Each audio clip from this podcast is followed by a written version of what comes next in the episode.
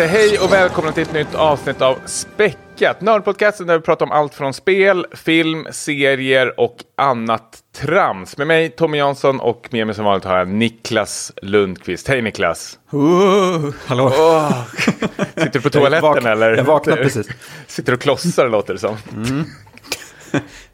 Hur, hur är läget? Det är bra. Det är bra. Jag har längtat efter det här. Det har varit över en månad sedan jag spelat in faktiskt. Nu mm. är jag äntligen hemma efter en eh, otrolig resa i eh, Sydkorea. Mm. Eh, måste jag säga. Har jag nämnt att jag var där? Det har dykt upp någonstans, såg jag. I något flöde. Nej, men det har varit så här, otroligt 5 plusigt. Jag har jättemycket 5 plus-grejer att berätta som jag tänker att det orkar inte ta här nu. Men eh, en grej är att alltså, alltid ska alla de här semestrarna sluta på liksom, botten. Och det är att liksom, för hela familjen, alltså det var ju förstås tur, men precis när vi gick på planet så säger min fru, han är sjuk. Och då är det min son som har fått någon så här superinfluensa och då ska vi åka liksom till Abu Dhabi och sen hem också. Det är en lång jävla resa på 17 timmar med feber och då känner vi också att febern börjar krypa in på oss. Sen vi liksom rasar vi hem och så har vi legat liksom insjunkna i en vecka i någon slags influensa. Samtidigt som vi haft det här um, eh, temaavsnittet. Eh, mm. Nu. Låg du och lyssnade på den här Contagion-musiken på planet? jag, jag låg och lyssnade på Späckat eh, när eh, Dennis var med. Eh, otro, otroligt bra jobb, otroligt eh, kul och tacksamt eh, faktiskt. Mm. Um, så, och det värsta var, med det avsnittet var väl ändå, eller febermardrömmarna jag fick var väl ändå alla hyllningar som kom efteråt. Så otroligt vilket avsnitt. vilket avsnitt det var alltså. Hur skulle ni toppa det här? Febern steg. Ja, Gotipodden började skriva med Anton och, och Emil. Otroligt, vilket jävla bra avsnitt. Det har de aldrig sagt innan. Otroligt. Ja. Så, ja men jävla får... runk på Dennis där. Alltså. Ja. ja, jo, verkligen. Vi, vi, vi får göra vårt bästa helt enkelt för att göra något ännu bättre. Absolut inte välkommen tillbaka kan vi säga. Nej, det var sista gången. Ja. Han var alldeles för duktig. Precis. Hörru, jag måste ändå säga, det här, eh, det är ju temaavsnitt nu, eh, som, vi, som vi har skvallrat av i tidigare avsnitt. Eh, och jag måste väl ändå, jag satt och tänkte på det, halloween måste väl ändå vara det roligaste liksom, höjdpunkten på året, alltså när man kommer till så här, tema... Um, alltså hög, ändå. högtiden. Högtider, tack. För vi har alltid från så här, Valentine, julafton, alltså sommar, vad ska man säga då, blockbuster-sommar då, att man ska se något stort. Eh, mm. eh, ja. ja, vad har vi mer? Liknande tänker jag. Ja, julfilmer och, och, sånt där, jag vet inte. Det kanske ja, men precis. Ja. Eh, men halloween känns det ju som att liksom att, eh, eller jag, vet jag som skräckfantast är ju mm. liksom omfamnar det här och eh, om man har lite, lite så letterboxd och lite sådana saker så kommer det alltid upp roliga listor. Men jag såg en rolig meme som jag känner igen som var väldigt så här, träffsäker ändå. Um, och det var väl så här horror fans after watching 100 horror, horror movies. Uh, och så är, man så här, är de så här superdeprimerade. Uh, men sen är det liksom så här after watching finally a good movie, good horror movie. Och så är man jätteglad. uh, och det stämmer ju så jävla bra för skräckfilmer är ju, det är ju en otroligt usel genre egentligen. Mm. Um, alltså jag älskar ju den, men det är ju svårt att lyckas bra med den. Ja, men det finns definitivt, jag tror majoriteten är ganska risigt. Jag, håller, jag har fått för mig att jag ska titta på Hellraiser-filmerna. Eh, jag tror jag, jag, kommer nöja mig med de tre första och den här rebooten som kom här om året. Men Just det, jag i, såg den. Ja, den har, ja, precis. Jag har inte sett den än, men mm. det, de är ju kackiga, alltså, de gamla filmerna. 80-talsfilmerna. Ja. Så man får ju ha en hel del överseende. Det är men inte, jag... inte coola äckeleffekter i dem? Det är mycket praktiska effekter. Mm. Och eh, framförallt den första filmen den har ju något väldigt så här perverst över sig.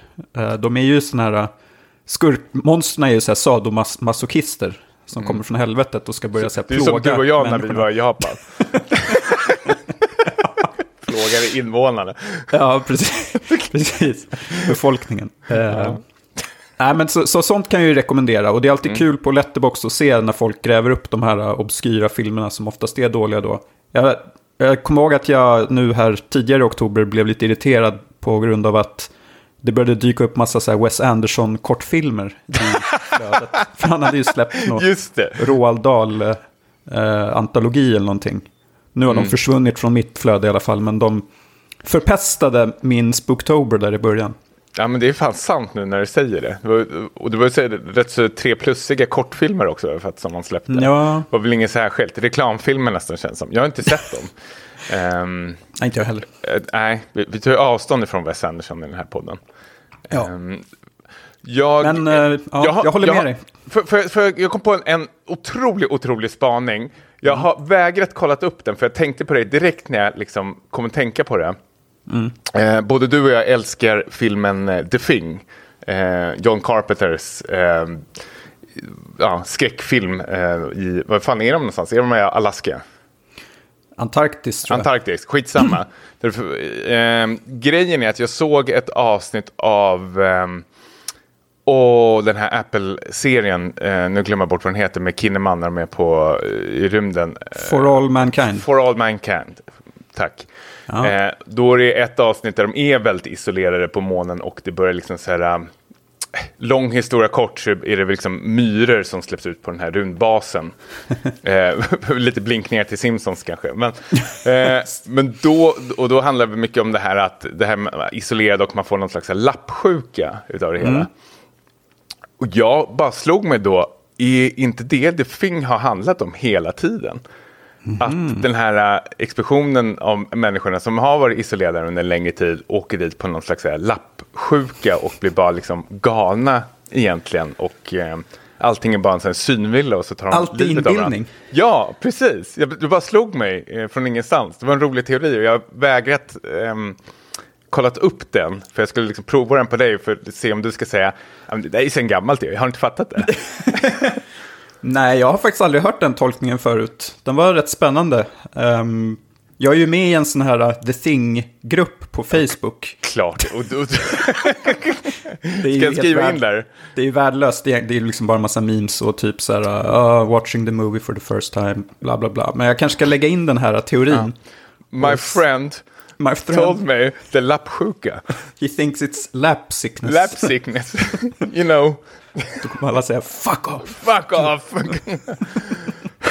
jag tänkte att Ja. också, mm, ja men eh, fyra plus i alla fall kanske. Ja, den, tyck, den får du klart godkänt för, den Ja, men, spännande. Vet du vad, jag rotade, vi ska komma in i lite stämning här tänkte jag också, i halloween-stämning.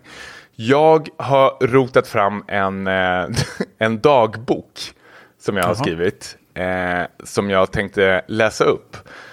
Gäsp tänker du på direkten, eller hur? Jag ser det på Ja. ja. Det här är ju taget under pandemin. Du skrev Hallå? dagbok under pan- pandemin. Ja, jag skrev under. Jag skulle, skulle säga wow, okej, nu var det en ny, helt ny nivå. Ingenting kände du på direkten. Kommer du ihåg pandemin? När folk hade så här, blöja i ansiktet och sånt. ja, det kommer jag ihåg. Ja. Vill du höra? För jag, jag, jag Ja. tänkte att eh, det, det, det är kort. Jag vet att du hatar när jag går utanför manus, men nu måste jag göra det. Ja, du får ja, improvisera. Bra. Är med? Dag ett. Pandemin står utanför dörren och knackar på. Världen brinner och allt är verkligen piss just nu.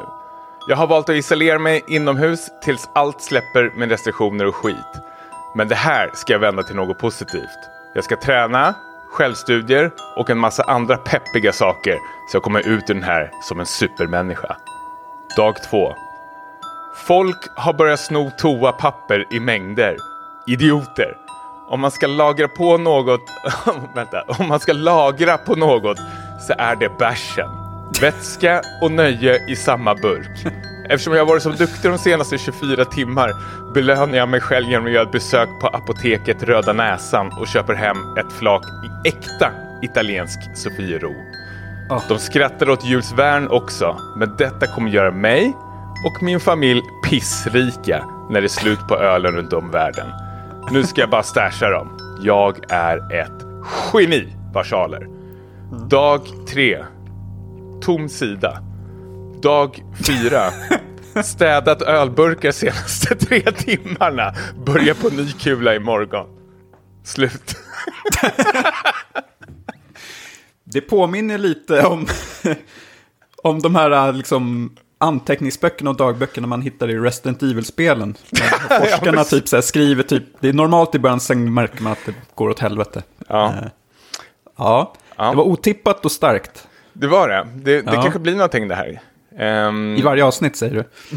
Se vad Goti, ko- ja. säger om Kommer det. du tillåta om jag läser upp från min dagbok en gång på... Ja, nej, det, det vart ingen mer dagbok av det här. Så vart det med det. En, en kort, ja men det är bra. Mm. Tjena, tjena. Mm. Eh, hörru, ska vi, vi kommer hoppa över eh, filmåret och sådär som det är lite temasnitt. Jag tycker att vi hoppar direkt in på eh, spelandet och typ slash lite nyheter. Jag tänker att vi tar det i samma. För du och jag har ju spelat Silent Hill Ascension. Det här eh, eh Konamis nya liksom vad ska man säga, när de ska rebranda nästan Silent Hill-serien och visa att vi, vi, vi lyssnar på världen. Eh, så Konami har egentligen gått ut med att de ska släppa, nu har jag inte det i huvudet, men är det kanske tre, fyra spel eller någonting? Ja, Eh, exakt. Bland annat de här eh, Blueberry Team heter de inte, men eh, Layers of Fear-skaparna ska göra en remake bland annat på Silent Hill 2. Och sen ska det komma en massa med annat tjafs runt omkring det. Men först ut är ju det här eh, mobilspelet Silent Hill Ascension som ska väl fungera som någon slags, eller det, vi har ju provat det både du och jag. Eh, som är någon slags animerad tv-serie där du själv får liksom varje dag göra ett man, man ska göra ett val egentligen som påverkar den här eh, storyn. Ehm, har du, vill du ta vid här? Nej, det kan jag. Det, det var ju inte liksom så att folk gjorde vågen när det här liksom rullades ut. Vad, vad, vad spelet skulle handla om. Och det var mycket frågetecken. Är det en tv-serie eller ett spel eller något mittemellan? Um, och jag var ju lite intresserad i och med att det skulle vara en så här live-event egentligen. Att eh, det, det rullas ut samtidigt och då gäller det att sitta med mobilen och göra sina val så att hela världen är med samtidigt. Hela världen. Sen såg jag att det skulle vara typ klockan två på natten för oss. Mindre intresserad. Mycket mindre intresserad, men samtidigt ganska skönt att då, då kan vi stryka det. Eh, så jag försökte då kolla på det här i efterhand. Ehm, det, det, det gick inte kan jag säga. Jag stod ut i 15 minuter och sen tog jag Ja, bort den här. Så pass länge ändå, tänkte jag. alltså det, det man möts av är ju en, eh, någon som ska förklara hur det här fungerar. Alltså det är ju egentligen ett avsnitt per dag, fem minuter och sen är det väl någon slags cliffhanger i slutet som vi spelare då får lägga vår röst på. Alltså alla typ Telltale-liknande, det kan vara någon slags moraliskt dilemma eller någonting. Hur ska den här personen agera? Um, men grejen är att det, det sjuka de har gjort här för det första är ju att det har ju blivit så här mikrotransaktionsspel. så spelet liksom uppmanar en, säkert för mig liksom så tio gånger att mm, glöm nu inte att köpa det här boosterpacket för då kan du liksom, man kan lägga extra röster. Du har ju liksom en valuta och den, det är den valutan liksom du röstar med. Ehm, det roliga var också att det finns ju en chatt på höger sida. Gick du in i den någonting? Ja, jag försökte skriva typ det, det sucks eller någonting. Men man kan bara lägga så här, eh, ja, men emojis eh, liknande, någon, någon form av... Aha, men det var ju folk som satt och skrev där ju. För mig? Ja, det, det funkade inte för mig. Eh, Jaha, för mig var det folk som skrev How does this work? What's this? Hello? Who's this? Hello? alltså det var ju, det var ju typ som Ja. man var på ett så här demensboende nästan och satt och lyssnade på massor med gamlingar som satt och gaggade. Ja, det var inte Eh. samma goda stämning som i den här trailern som man fick se innan. När det var massa fake-meddelanden när folk sa oh, this is fucking sick. This is Ja, crazy. You have to vote for her motherfucker! typ som man gör världens val eller någonting. Eh, och sen Ja, var nej, men man, det- jag man kunde spolade ju också- avsnitten. Ja. Ja, det gjorde det. Man kunde ju också, så här, eh, också betala för att eventuellt få göra en cameo i jag. avsnittet. Med då sin avatargubbe som man då fick klä ut. Jag tror det Ja. kostade 250 spänn för att liksom få en sån avatar. Och sen var man med i någon utlottning eller någonting. Ehm, nej men alltså det här... det kanske låter lite kul på pappret, hela idén. Men... Eh, det och de har ju försökt efterlikna, som du sa, Telltale och även de här Until Dawn-spelen. Eh, som är ju väldigt kul i och med att du spelar själv och styr. Och det passar väldigt bra med det här filmiska. Men att bara titta på de här, eh, som att titta på mellansekvenser. Som är typ eh, dåligt, eh, dåligt röstskådespeleri, väldigt taffligt i största allmänhet. Det blir ju svintrist. Mm. Och det här ska hålla på i, jag tyckte det stod 16 veckor, alltså flera månader med ett avsnitt per dag. Jag tror att det här kommer läggas ner eller liksom... Jag tippar de också på noll, det. ti- ti- noll tittare på slutet. Men jag undrar hur de har liksom, vem är det liksom, för de måste ju ha liksom ett marknadsteam eller någonting som har undersökt typ att finns det något intresse i det här? Alltså, det, det, det, för det första är det ju liksom, det, det är en, det är ju kostnader för personal och folk som ska underhålla det här. Alltså det, är, det är det sjukaste att det här har liksom så här gått igenom att det är någon som liksom lagt upp det här som ett förslag och sen tänker man typ så här, men det här kommer vi säkert tjäna pengar på. För det, i slutändan är det ju pengar man vill tjäna. Men här blir det liksom så här övertydligt hur nästan Konami är desperata de är på att liksom casha in på den här um, Silent till eh, namnet. Vi vi ska inte fastna för mycket i det här spelet, men, men det jag börjar tänka på i alla fall är oron för um, eh, Silent Hill-serien och allting Konami liksom planerar att släppa nu i framtiden. Eh, nu har ju även den här Metal Gear Solid-serien släppt med Collection-grejen. Eh, du och jag växte ju upp med den. Eh, Och det är ju lätt en av liksom så här, um, favoritspelserierna eh, någonsin. Men det är ju aldrig ett spel som jag skulle liksom säga, för det de har släppt nu är ju liksom ett, det är det är en portning från Playstation 1 ju. Jag skulle, jag skulle inte ta det med tång. liksom, nej, men för, liksom det, Ja, det, alltså för det har ju åldrats, alltså storyn och sånt tror jag fortfarande är, är superbra. Ehm, och, och absolut liksom håller för sin tid, röstskådespelarna och musik och allting. Eh, men själva liksom spelkontrollen och allting tror jag är så jävla uselt. Alltså, jag kan inte se att liksom, vem är det som, va- varför gör man inte bara liksom en, ehm, varför tittar man inte på liksom Capcom och gör en, liksom en Resident Evil remake av det hela, liksom bara eh, gör om hela skiten liksom. Ja, och det här att man börjar med Snake Eater, alltså tredje Metal Gear Solid-spelet. Är hål i huvudet. Ja, det känns så här, äh, desperat också så här att man, varför har man inte tålamod och bygger det här långsamt? Det är lite som när DC ska haka på Marvel-tåget och liksom hoppar in för snabbt utan att ha gjort eh, sin research. Eh, så jag, jag, jag, jag tycker det här är lite så varningsklockor för de kommande Silent Hill-projekten. Och Metal Gear. För jag, Eh, och jag vet inte om jag är så jäkla sugen på den här Metal Gear Solid 3-remaken som kommer. Jag tycker inte den ser så Nej. jättesnygg ut. Det var ingen wow-känsla. Det känns som mer bara en HD-uppgradering plus lite till liksom. Ja, jag är också skeptisk, särskilt med, med tanke på andra spel som har kommit ut nu, ett som vi ska prata om, så känns det som att ehm, det blir svårt för de här, men typ Silent Hill 2-remaken framförallt tror jag. Att, eh, Som också en spelserie som du och jag håller, eller ett spel till och med också som du Ja. håller väldigt, väldigt, väldigt nära eh, hjärtat. Liksom. precis, så det krävs ju nästan ett mirakel där tror jag för att det ska på något sätt matcha originalet. Det kommer ju inte göra, men eh, det kan jag nog säga redan. Ja, Nej, men jag, jag tycker det är skrämmande ändå att eh, Konami liksom går den här eh, vägen. Och du, du har en poäng att det känns lite som DC Universe, att det känns väldigt, väldigt desperat liksom att man ska försöka liksom, ta igen väldigt mycket tid väldigt snabbt. Liksom. Eh, de behöver nog kanske sätta sig ner och verkligen. Men jag tror inte de har ett riktigt liksom, tvättäkta team liksom, som jobbar med spel. Liksom. Det känns mer som de outsourcar. Alltså för Konami är ju så mycket mer än ett spelföretag. Liksom. Förutom Pachinko-maskiner så har de ju eh, sporthallar, alltså enorma sporthallar i, i Japan. Eh, och massor med andra saker som de tjänar in pengar på. Eh, mycket lättare pengar på. Ehm, så det är väl därför de har gått den här vägen. Och det fattar jag. Det, eller fattar, men det, det är vad det är. Liksom. Men sen nu när de ska liksom, få för sig att komma in i spelbranschen igen liksom, och ta igen allting. Så liksom, det, det är inte så lätt, liksom.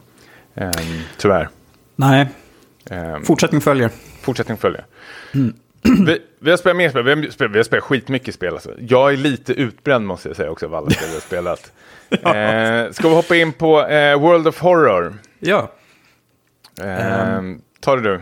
Mm, nej men det här har du och jag haft ögonen på länge för det har varit i early access flera år. Det är ju ett sådär, s- ja, hur ska man beskriva det? Ett sådär uh, one-bit eh, horror game eh, som är utvecklat av en, en polsk utvecklare som är sådär uh, tandläkare egentligen, men har gjort det här lite vid sidan om. Um, och det har ju också lite element av roguelike i sig, att du, uh, man kan säga att du spelar ju som en, uh, en undersökande person som ska nysta i diverse mysterier i en så här fiskeby i Japan. Och eh, det är någon så lite, lite ödesmättad stämning som att eh, det är någon form av jordens undergång som är på gång. Och det har börjat eh, visa sig lite så här mys mysko-grejer i den här byn. Och du får liksom en, eh, du, du, går fram till en, en så här, vad heter det, anslagstavla egentligen. Där det finns lite olika eh, mysterier som du kan välja att eh, gå vidare med. Och själva spelmekaniken då, den är ju väldigt speciell, tycker jag. Och framförallt den tecknade stilen. Um, det känns ju lite som att någon har tagit ett så här anteckningsblock och börjat klottra i och, och rita i. Uh, och det ska liksom vara själva gränssnittet. Mm. Jag känner mig att man har suttit nästan vid Paint och suttit och jobbat i, pix, i pixlar liksom eller någonting sånt där. Um, faktiskt. Alltså det, det, är ju ett... Ehm, um, peka och klicka-spel i en eh, Rouge Light-miljö. Alltså spelet öppnar egentligen, alltså du har en tutorial-uppdrag ehm, i början, ett skräddarsytt uppdrag som du kör igenom där spelet liksom visar eh, ja, men hur, hur, du ska spela och sånt där. Eh, och, och, när du stöter på monster så är det liksom turordningsbaserat och du ska trycka på liksom knappar och så är det liksom procentuellt vad du kan slå och sånt där. Men sen, det som händer sen med spelet är väl att eh, du ska liksom, precis som eh, an, alla sådana här roguelite-spel är väl att du ska liksom klara ett scenario. Det här påminner väldigt mycket om brädspelet Arkham Horror. Mm. Att, du, att du får ett uppdrag, ett random uppdrag och så ska du liksom ta dig igenom det så långt du kan egentligen med dig och eller dina, man kan säga följeslagare och sånt också. Um, och försöka lösa det och det går ju på tid också. Och liksom desto längre tiden går desto liksom, ja, större chans är väl att eh, såklart att liksom, världen går under och att man möter svårare och svårare fiender. Liksom. Så det är liksom ett managementspel på det sättet att du måste liksom, eh, hantera tiden också och liksom, prioritera vad du ska liksom, göra för någonting för att din karaktär ska gå upp i level. Och sen när du är klart det, antingen om du har klarat det eller om du dör, så börjar de från början egentligen. Man kan ha låst upp lite så här, perks eller någonting som man kan ta med sig. Men det, det är ett roguelike spel i Junji Ito slash um, jag skulle säga Arkham Horror-miljö, liksom. H.P. Lovecraft. Mm. Mm. Men det är ju så otroligt frustrerat fult det här spelet. eh, så jag orkade knappt, jag orkade vara med två omgångar, sen var jag tvungen att liksom... Jag, jag kände inte det, liksom, att det var, eh, hooken fanns inte där för mig. Nej, jag håller helt med. Alltså, det, har, det får ju pluspoäng för att det är så originellt. Men mm. det var inte kul att spela. Trots den här tutorialen så tycker jag att det var oklart hur alla de här systemen hängde ihop. Uh, och när jag dog på första uppdraget då blir ju en del av grejen att då måste du göra om det igen. Uh, och det här med att vissa grejer repeteras är ju inte alltid så bra för så skräck. Det blir ju inte lika läskigt andra gången man Nej. ser någon gubbe som börjar titta in genom ett fönster i den här skolan. Precis. Uh, så det är ju en nackdel. Och det här, det var inget så här tillfredsställande fighting-system heller, där du ska liksom eh, kombinera lite olika attacker. För att jag kände aldrig att jag förstod, eller jag orkade inte lära mig heller, måste jag säga. Jag Nej. kände mig också lite utbränd när jag började med det här, att så här, oh, jag, jag, kan inte ta, ta in det här eh, komplexa spelsystemet som säkert är fantastiskt om du verkligen ger det chansen. Men, mm. Det nej. är inte så jättekomplext, men grejen är att det, jag tror, alltså, så integrationsmenyn är ju så otroligt ful mm. och strulig och liksom allt, allting känns så här ihopsmetat i varandra. Alltså jag, ja, jag, gillar, jag gillar ju, alltså det är väldigt fint spel att sitta och titta på. Jag gillar liksom artdesignen när man är i typ så sin lägenhet eller man, monstren. Alltså, bara titta på det, om det skulle vara att tänka ett eh, peka och klicka-spel, typ i mystgrej eller någonting om man går runt. Då hade jag nog uppskattat det här mer. Men jag tror det faller på är den här eh, turordningsbaserade mekaniken som jag inte alls tycker är kul. Den, den är väl mer frustrerande. Jag kom på mig själv också att eh, stänga av ljudet på spelet också, musiken. För det var så här ja, men noise pixel-ljud. Liksom, Ja. som, alltså Commodore 64-ljud. Eh, som inte alls jag tycker är, är kul. Det hör hemma på Syntax Error-klubbar eller någonting. jag. eh, nej, usch. Ja. För fan för sån musik alltså. Ting, ting, ting, ting, ting. Ja, den, det skär Chip- i, Chip-musik liksom. Så. skär i hörselgångarna, måste jag säga. Sådana här flörtningar, kan jag, visst, men jag tycker så här, flörtningar till så här gammal chipmusik är fan så jävla fult och tråkigt och originellt alltså. Jag Mm. tror inte ens de som gillar chip, alltså de som gjorde chipmusiken tycker ens om sin egen musik. De skäms när de hör De sånt. skäms. Ja, nej, nej, men jag, jag tycker så här, det, det, det är fina tankar kanske. Alltså jag gillar liksom den här Junji Ito-hyllningen särskilt. Det är superinspirerat av hans eh, manga. Ehm, men rest, alltså spelmekaniken är ju det det faller på. Och, ja, jag känner, jag kan inte lägga mer tid på det här tyvärr. Det har fått skitbra Nej. betyg det här måste vi säga också. Det ligger ju Ja, ja. på ett så här 90 eller någonting på Open Critic. Precis, men det har ju byggt upp en fanskara helt klart nu under de här åren det har varit i early access. Men det känns som att de skulle ha slipat på själva spelmekaniken tycker jag. Istället för att kanske hitta på mer content som jag antar att de har gjort. De har väl lagt till fler och fler uppdrag i det här spelet. Men, eh, ja, men jag var som du, jag, på andra uppdraget så kände jag att nej, nu- nu får det vara bra. Nu får det vara bra. Jag skulle rekommendera, om man vill ha något liknande så skulle jag faktiskt rekommendera Arkham Horror-spelen. Eh, jag skulle faktiskt rekommendera dig och din Donna faktiskt. Det är ett väldigt, väldigt roligt eh, co-op-spel faktiskt. kan vara en liten tröskel till en början, men när man kommer in i det så är det eh, väldigt, väldigt, väldigt kul. Eh. Brädspelet alltså då, eller? Brädspel. Det finns ett kortspel också. Det har inte jag provat. Men det, jag för mig att kortspelet är single player. Men jag kan ha helt fel. Uh, skitsamma. Du får du kolla Du får upp själv. kolla upp. Ja, men det Ja. är Arkham tips. Horror är i alla fall jätte, jättebra. Det finns hundratals expansioner. Men det räcker med Vanilla i början. Mm. Absolut. Um, vi har spelat mer såklart. Slay Ja. the Princess. Precis. Det här spelet har ju, men det är också ett indiespel till att börja med. Mm. Eh, kan inte vara särskilt många. Alla de här är ju superaktuella för i Precis, år de är nya. De är Mm. släpp. Och de har fått eh, bra kritik. Alltså det här har, ligger ju också uppe på typ 90-91 på Open Critic. Eh, och det, det har ju sina likheter också med World of Horror i att det har vissa... Men, det, det är ganska repetitivt, men det är väl själva poängen också. Men det går ju ut på att du, du är någon form av hjälte. Det, det här är ju lite... De, de beskriver det själva som att det är visual novel möter dating simulator möter så här, psykologisk skräck. Eh, det är liksom... Det är lite PK och klicka influerat att du som hjälten närmar dig den här stugan ute i skogen där det då finns en prinsessa, får du höra då av en så här berättarröst som hela tiden är väldigt närvarande och säger hur saker och ting bör eh, gå till. Och eh, du får ju då i order kan man säga av den här berättaren att du ska döda prinsessan. Så att det inte save the princess utan det är slay the princess. Eh, och sen så börjar du då liksom testa dig fram. Eh, du får ju berätta hur det gick för dig men jag försökte ju då rädda prinsessan. Tänkte jag ska liksom vara lite motsträvig här, inte göra som han säger. Men det slutade ju ändå med att det var jag som dog då. Och Dödade du prinsessan? då? det gjorde jag sen. Ja.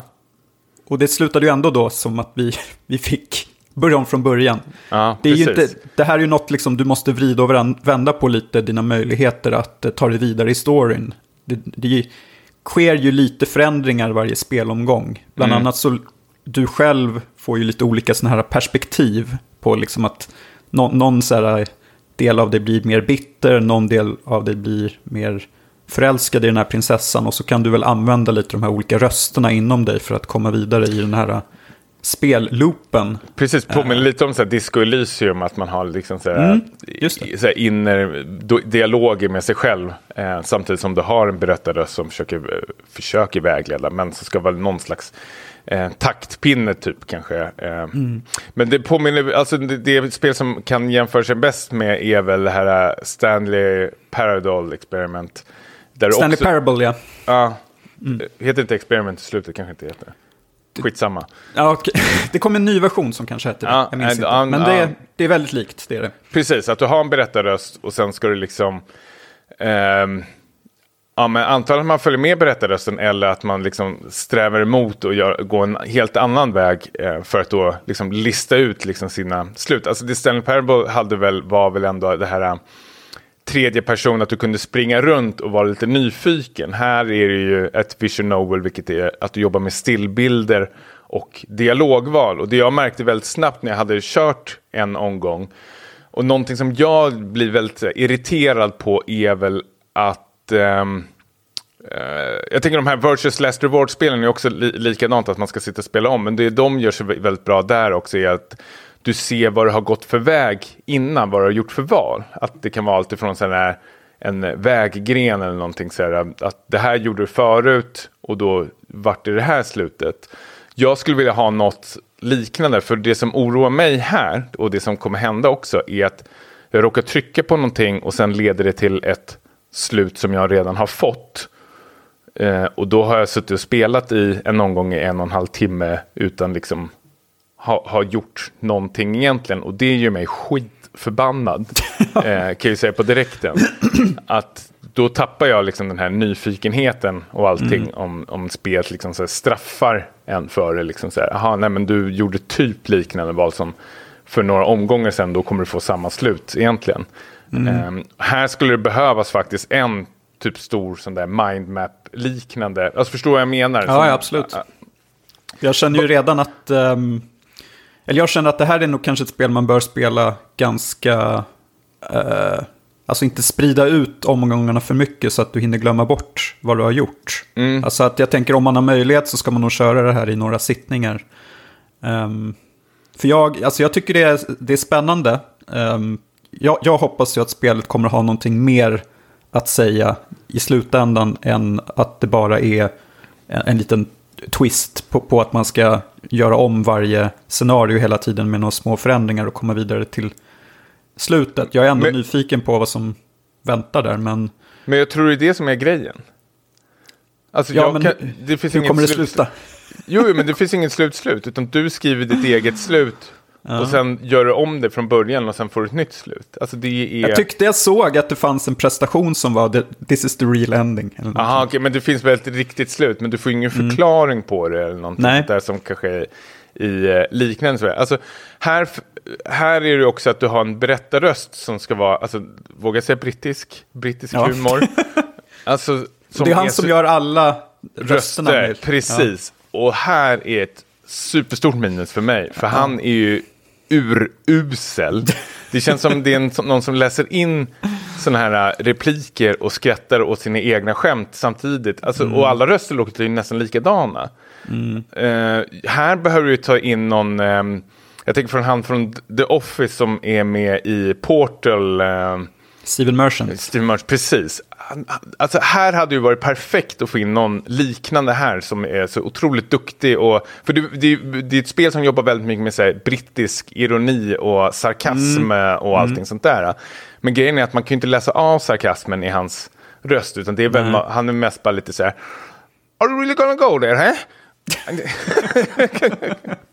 alltså, brittisk huligan. Brittisk, ja, precis. Nej, men det, det, det, having, a, having a laugh, huh?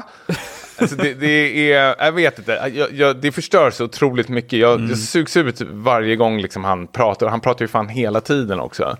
Um, ja, ja. Han har väl typ 90% av replikerna. Ja. Um, får jag för säga, för att jag hade ja. ju hoppats att både World of Horror och Slay the Princess skulle komma upp lite i samma nivå som ett gammalt favoritspel från Nintendo 8-bits. Shadowgate. Shadowgate. Yeah! och det gör det ju inte. Nu säger jag inte att Shadowgate håller idag, men eh, när man spelade det på den tiden så var det otroligt stämningsfullt. Eh, och du var ju också då en hjälte där som skulle ta dig igenom ett slott och du dog på massa makabra sätt. Mm. Eh, och då, jag kommer, all, kommer aldrig glömma... Roligt skrivet också. Precis, och det fanns en svensk översättning, vilket oh, gjorde det ännu mer... Bra.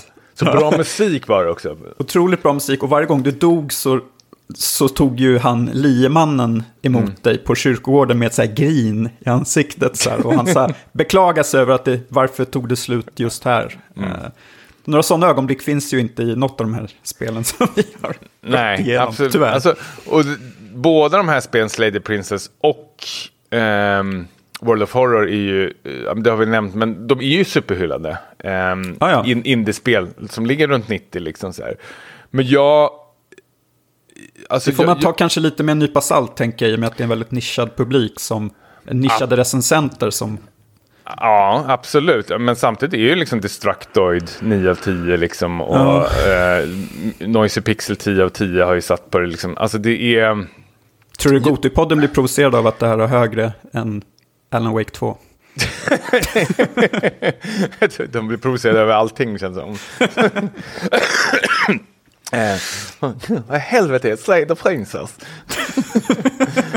um, men, um, oh, vad var det jag, jag, jag, tror att jag, jag motsätter ja. mig lite den här repetitiva. Är jag inte säker på att det funkar alla gånger. Jag hade nog hoppats på något mer linjärt i stil med Shadowgate. Att du känner att du gör lite progress. Um, ja, du, men precis. Det, det, också, alltså det hade ju räckt med bara kanske en mindmap för mig. Att, eh, mm, för, för man checkar bli, av grejer lite. Precis, att det skulle bli lite nyfikenhet att man har liksom utforskat någonting. Och sen kanske när man gör om en loop så kanske man låser upp något nytt då eller någonting. För mm. man har liksom gått vidare. Alltså det, det hade varit så uppfriskande eh, faktiskt. För det, Slay the Princess är ju, det tycker jag är mycket snyggare än uh, World of Horror faktiskt. På sitt mm. sätt. Om, om mm. jag ska jämföra någonting. Det är mer ty tydlig tecknad stil. Ja, precis. Men jag känner, i, alltså det, där är i mitt liv just nu, där jag hinner knappt liksom torka mig efter bara på toaletten. Så liksom mm. finns inte ens den här tiden att lägga. Jag måste bli mer som Emil i Gotipodden. Ah, inte mm. kul, då skita i det. Jag går och spelar basket då heller. Det är bra, bra, ja. bra råd ändå. Ja, ja, men det, precis. Jag måste bli lite mer sånt. Istället för bara plocka upp sånt här. Nu gör vi det här för det här halloween-avsnittet. Annars hade jag nog inte plockat upp det här spelet faktiskt. Nej, tror det tror jag inte heller. Nej. Alltså, du jag, låter jag, i alla fall mer nöjd än vad jag är. Jag är mer nöjd. Slay the Princess kommer jag nog ändå fortsätta med och se om jag tar mig till det här slutet som mm. eventuellt dyker upp. Uh, World of Horror är dött och begravet och refundat. Ja, Slay the Princess var mycket, mycket bättre. Så om man letar efter ett eh, narrativt spel, jag tänker på det här Tokidoki Club. Pan, ja. Litera Club, eller vet Ja, så heter det någonting. Ja. Det här är väl något liknande skulle vi säga faktiskt. Just. Så, eh, så om man tyckte om det så kan man faktiskt eh, kolla in Slay the Princess. Eh, jag tror båda, båda finns det Steam i alla fall. Sen tror jag of Horror kommer till switchen. Mm, eh, vill jag minnas. Mm. Grymt. Hörru, ska vi hoppa på uh, huvudrätten? Vi har spelat Alan Wake 2 som är väl um, höstens... Nu kanske jag bara säger någonting utan att ha någon grund på det. Men höstens stora spelsläpp kanske. Eh, innan, innan vi går in på det måste jag ändå säga att det här är väl nog det spel som jag har, alltså av A-spel, som jag har känt mig minst eh, peppad inför faktiskt. Mm -hmm. Varför då? Jag, eh, jag spelade första Alan Wake eh, när det begav sig. Eh, och har väldigt vagt minne att jag tyckte det var okej. Okay, inte mer än så. Så jag har inte alls hängt med den här hyllningskören eh, över liksom Alan Wake. Alltså folk som har liksom, allt ifrån att när de skulle släppa den här remaken som kom ut till att liksom det nu skulle komma en uppföljare. Har jag känt lite så här att, för jag, jag för mig att jag störde mig väldigt mycket på um, Eh, alltså hur det spelades första spelet med att man sprang runt med en lampa och lös massor med folk i ansiktet och sen sköt. Sen var det med, var det, med det. Och det hade väl ja. vissa roliga liksom, element eh, som den här Twin Peaks-serien eh, som gick på i bakgrunden. och sånt där. Mm. Sen var det med det, sen har jag bara släppt den. Jag hade ingen minne av den här serien eller någonting, vad som har hänt eh, mer än någonting. Så jag fick ju titta på en recap. Men mm. det här är ju, alltså Alan Wake 2 är, utspelar sig 13 år efter första spelet, vilket är liksom eh, utspelar sig idag i, i nutid egentligen om jag inte är helt fel. Eh, mm. Faktiskt. Där du eh, tar dig an, alltså det, du fortsätter egentligen där förra spelet slutade. Eh, jag kan ju säga på direkten att man behöver inte ha spelat första spelet utan det räcker med faktiskt att se en eh, recap skulle jag faktiskt rekommendera. Eh, och hoppa in direkt på det här istället faktiskt. Mm. Um, Ja, vad ska man säga egentligen? Det är liksom två berättelser där du får liksom spela som Alan Wake eh, som är liksom fast i någon slags dark place eller liknande som ska ta sig ut ur mardröm. Parallellt detta så introduceras en ny karaktär som heter Sarah, Saga Anderson som tar sig an ett eh, kultmord i den här staden eh, och ska nysta i det vad det är för något som har hänt. Eh, och det börjar liksom dyka upp kroppar som har liksom försvunnit då för 13 år sedan som helt plötsligt liksom dyker upp då i den här staden. Eh, inte jätte otippat att då hennes och liksom Alan Wakes och hans förflutets liksom vägar korsar då mm. varandra. Um, och det är ju egentligen storyn i kort och gott, skulle vilja säga faktiskt. Mm. Absolut. Um, jag var ju mer peppad än, än vad du var på det här, men det tror jag hänger ihop lite med att jag um, spelade ju Control för, för, fyra år sedan eller vad det kom och tyckte det var det förmodligen bästa Remedy-spelet uh, fram till dess.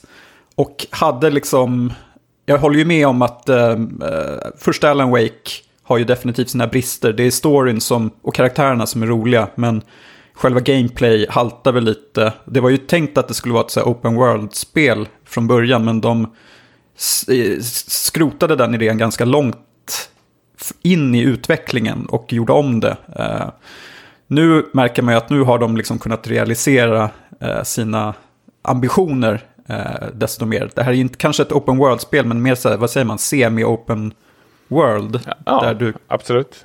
utforskar olika delar av den här staden och det här The Dark Place. Eh, och även där, du, där det liksom, på grund av olika anledningar, bland annat en översvämning i Bright Falls, så låses det upp nya eh, delar av de här kartorna. Så mm. att det finns ju en anledning att återbesöka och hitta saker som du inte kom åt första gången. Um, Ja, men vi, vi måste väl nästan komma in på det här. det, det, det finns så sjukt mycket saker jag vill, ja, vill säga. Jag, att, jag har, hur mycket har du tänkt på mig när du spelar? Mycket. Jag har tänkt på det, det jättemycket. Jag har tänkt på det, jättemycket. det här kommer Tommy gilla. Det, här, det, det, värsta är att du började skriva till mig en gång eh, och nämnde någonting. Du fick sån jävla utskällning i chatten då. Alltså, det bara, du bara ja. sjöng, alltså, du fick känna att du levde. Sen har du varit helt tyst. Jag kände att jag var lite elak. Spara till podden din jävla ja. horunge! Vad fan! Håll inte på! och det hade ju, det hade ju att göra, kommer jag ihåg, med själva kartan i spelet. Helt otroligt. Um, att vi båda tänkte väldigt mycket på Silent Hill-spelen. Ja, alltså för det första måste jag ge, eh, jag tror det här skulle bli någon slags action, jag vet inte vad, eh, ja, men likt Resident Evil fast med så här, sämre kontroll. Det, det är liksom de intentionerna liksom, här, som jag hade till det här spelet, att så här, det här kommer bli något du kommer springa runt, du kommer skjuta lite monster och sen är det det. Men det Alan Wake 2 är, är ju ett så här slow burner horror-thriller som är som gör otroligt fina och härliga blinkningar till Silent Hill-spelen och eh, David Lynch-universumet och många andra liksom så här kult eh, och böcker och serier och sånt. Eh, som Stephen King och allting sånt där för att nämna få Alltså det, det är bara så här, få saker som jag bara får mig att skrika rakt ut. Är typ när man första gången man går på den här coffee diner shoppen och den är exakt kopia av eh, kaféet i Twin Peaks. Exakt mm. kopia hur de sitter och hur den är uppbyggd och allting sånt där. Skrek rakt ut. Skrek, skrek. Jag var tvungen, jag var tvungen att kyla ner mig. Fy ja. fan vad sjukt. Och sen också när man åker bil och eh, kameran filmar ner mot väggrenen och man ser bara de här strecken på vägen. Ja, Lost Highway. Lost mm, Highway. Jag skrek, verkligen. skrek, skrek Lost Highway! du, du, vet, jag har varit den här uh, Leonardo DiCaprio-mimen. Så har jag suttit ja. hela tiden, att stå, sitter och pekar Peka. på, skärm, pekar på skärmen med en öl i handen. Så mm. har jag suttit i typ så här, 25 timmar vad jag har spelat nu, var det här spelet eller någonting sånt där. Jag, jag, jag, jag, kan inte hålla med, jag älskar det här spelet. Alltså det är mm. över, över, över förväntan. Alltså. Det, det, här är en av de bästa spelen jag spelat på, jag vet inte hur länge alltså. För mm. att det är så jävla välskrivet och eh, har en så otroligt tuff story, eh, karaktärer, scenarion. Alltså det händer så sjukt mycket. Så liksom, jag, kan inte ta in det, jag måste ta paus hela tiden. Jag måste liksom så här, kyla ner mig, mina känslor och allting. Det är så ja. jävla mycket, alltså det, det är så snyggt och skickligt gjort det här spelet på så många plan. Jag vet inte var jag ska börja någonstans. Ta, ta gärna vidare. Ja, men eh, jag håller ju med om allt det där. Alltså, om man bara ska återknyta till kartan, det var ju någonting som de fick kritik för i Control-spelet. Att det var svårt att navigera kring den. Så där, det känns ju som att de har lyssnat. Jag laddat ner Control. Det ligger installerat. Jag, jag, jag har laddat ner Control. Ja, du har det installerat. Det, ja. det är det första jag ska kasta in mig på. Alltså, jag, ja, jag, tror, jag tror du kommer gilla det. Ja. Uh, och det finns ju, som du säkert vet, en hel del ja, men Easter eggs och överlapp i de här spelen. De här mm. Federal Bureau of Control förekommer ju en del i det här spelet till exempel. Så det är Precis. samma och det är universum. karaktärer som uh, återkommer också. Ja, The Janitor precis. bland annat. Uh, The Janitor. Ja. Oh, jävla bra janitor. Och liksom, Control var ju lite mer, om man ska liksom dra uh, deras influenser, så kändes ju det lite mer så här Arkivex-influerat med mm. den här byrån som undersöker lite övernaturliga uh, händelser. Men som du säger, det här är ju Twin Peaks, David Lynch, uh, rakt upp och ner. Och Silent Hill. Jättemycket Silent, Silent Hill. Det, här är ju, det här är ju Silent Hill remaken. Så här är, alltså, det, jag kom på, det, storheten med Silent Hill 2 och 1 um, ehm, är ju när man går in i en byggnad, man får en karta, man vet inte vad man ska, man börjar rycka i dörren, låst. Ta upp kartan, karaktären markerar, det är låst här. Ja. Alltså jävla bra, så jävla bra! Alltså. Man, man följer en stig. Det, ja. det, det är spärrat här, det är spärrat här. Ta upp kartan, karaktären har markerat liksom. Här, går, här går det inte att gå. Alltså fy fan vad jag älskar sådana där dynamiska kartor, alltså där de själva antecknar huvudkaraktären. Det är de bästa typen av kartor som finns. Alltså hur... Och det finns inga, inga sådana jävla pluppar eller någonting i det här spelet. Så här, vägmarkering. Alltså spelet, spelet är, kan vara lite smått otydligt ibland, typ vad man ska göra. Svinbra. Lös det ja. bara. Lös det bara. Nu, nu är det här. Lös det. Du är en detektiv din jävla horunge. Lös det. Så jävla bra alltså. Fy fan alltså. Så sjukt. Apropå det med det här med detektivgrejen. Um, för de Saga Andersons delar spelas ju lite Jävlar vad jag älskar Saga Anderson. Alan Wakes. Ja, hon är För fan underbar. vilken jävla bra karaktär det är. Alltså. Svensk, eh, svensk ättling. Har du, jag, du ska få fortsätta, men jag gick in snabbt på Reddit. Jag, kom ihåg, jag sökte på någonting. Råkade mm. snubbla över någon Gamergate Reddit. Nej. Subtråd. Jo, jo, jo. För jag skulle kolla upp Aha. någonting och så hamnade jag på den subredditen. Folk är tokiga. Helt tokiga där inne. Hon har förstört spelet, eller? She's can't be... Ja, men för det första var det en kvinna. Då var det ju tokigt också. Och sen mm. byt, då, skulle en vit kvinna egentligen i början. Sen har de bytt mm. ut henne mot eh, mörkhyad. Ännu mer mm. tokiga. Då bara brann det, brann det i huvudet på dem. Fan vad jag njöt då alltså. ja, det är plus i kanten, äh, återigen. Um, nej men, för det är ju Visst, det spelas ju lite som ett till exempel Resident Evil 4 actionspel med eh, kamera över axeln. Du, det är ju fortfarande att du ska lysa på folk med ficklampa för att eh, kunna göra mer skada och stoppa dem. Och sen, men sen är det ju mycket skjuta som gäller. Men det här blandas ju upp med just det här detektivarbetet i Saga Andersons fall när hon går in i det här mindplacet som är någon form av stuga. Mycket mysiga så här, timmerstugor och sånt i det här spelet också, apropå Twin Peaks. Och där har hon ju en stor sån här, äh, ja men som en stor whiteboard eller anslagstavla där hon sätter upp ledtrådar som hon samlar på sig under spelets gång. Och så får man själv sitta, ja det är jättekul, det är jättemysigt att sitta mm. och pussla här, och var ska den här in, var ska den här in och så kommer man vidare i spelet. Eh, sen har ju Alan Wake då, eh, man kan säga att Saga Anderson, hennes partier utspelas mer i den riktiga världen medan Alan Wake är ju fast i det här The Dark Place som känns ju verkligen som Twin Peaks. The Black Lodge i, oh. Twin Peaks. och eh, han är ju med att han ska skriva den här berättelsen och få nya uppslag när han eh, besöker de här olika delarna av Ja, man kommer till ett hotell till exempel där det är någon form av mord som ägt rum och så hittar han nya, eh, nya han, han, får eh, heter, inspiration. Mm.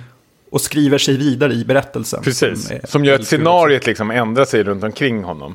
Precis, så tar man sig fram. Jävla bra. Alltså, jag, jag, alltså, varningsklockorna är ju på sådana här spel när man ska in, alltså när man ska trycka mycket på menyer och sånt där. Alltså, jag tänker väldigt mycket på så här, Starfield senast, där det är väldigt mycket klickande där du ska trycka på den här knappen för att komma hit, den här knappen för att komma hit. Alltså Alan Wake har gjort det så jävla bra. Du har en, en alltså touchpad-knappen på vänster sida har du direkt in till kartan, tjong. Mm. Och sen har du höger, då kommer du in i liksom den här lodgen. Men om du trycker bara på vänster och kommer in i kartan, då kan du snabbt navigera med L1 och R1, liksom, vilken man ska hoppa till. Om man ska liksom in i så här, profilera någon eller om man ska in i den här mindmap-grejen eller någonting. Allting är ju liksom bara ett här, sömnlöst, liksom, ett knapptryck ifrån. Och det älskar jag, liksom, att du kan ta, ta upp det. Och sen den här mindmap-grejen som du har med Sarah Anderson, liksom, hur, hur allting är liksom ihopknutet med varandra, är ju också ett väldigt smart sätt att få en liksom att eh, hänga med i storyn vad det är för något som har hänt. Alltså det är som en liksom kort summering. Mm. Får jag berätta en Precis. 5 plus grej? Får jag berätta en sån Ja, jävla... ja, Nå- något jag, jag, bara, jag bara skrek. Jag vart jag vart Leonardo DiCaprio igen och bara pekar på skärmen. det är när ett nytt kapitel startar och det kommer de här title carden. Över hela skärmen. Bara så här stort över hela skärmen, varsalt skriker. Ah! jävla bra! Så jävla snyggt är det alltså. Det bara sätter stämning på direkt. Det sätter sån jävla stämning gör det på det här spelet alltså. Stämningen Ja, är ju... äh, den- Den är på topp. Den är på topp. Finns det någonting som du inte gillar med spelet? Dig. Några svagheter? Att jag inte är lika entusiastisk? Ditt, ditt, ditt finska påbrå är ju liksom så här, varför är inte du så här rolig som de här finnarna? Jag är ju jättebesviken över dig. Ja, jag skäm, ja. Ja, jag är nej. inspirerad. Men, men alltså, det, det, jag tycker ändå Remedy med det här spelet visar att de just nu är störst, bäst och intressantast i spelmarknaden. Alltså, så här. Jag sitter just nu hemma på Spiderman 2, har inte startat än.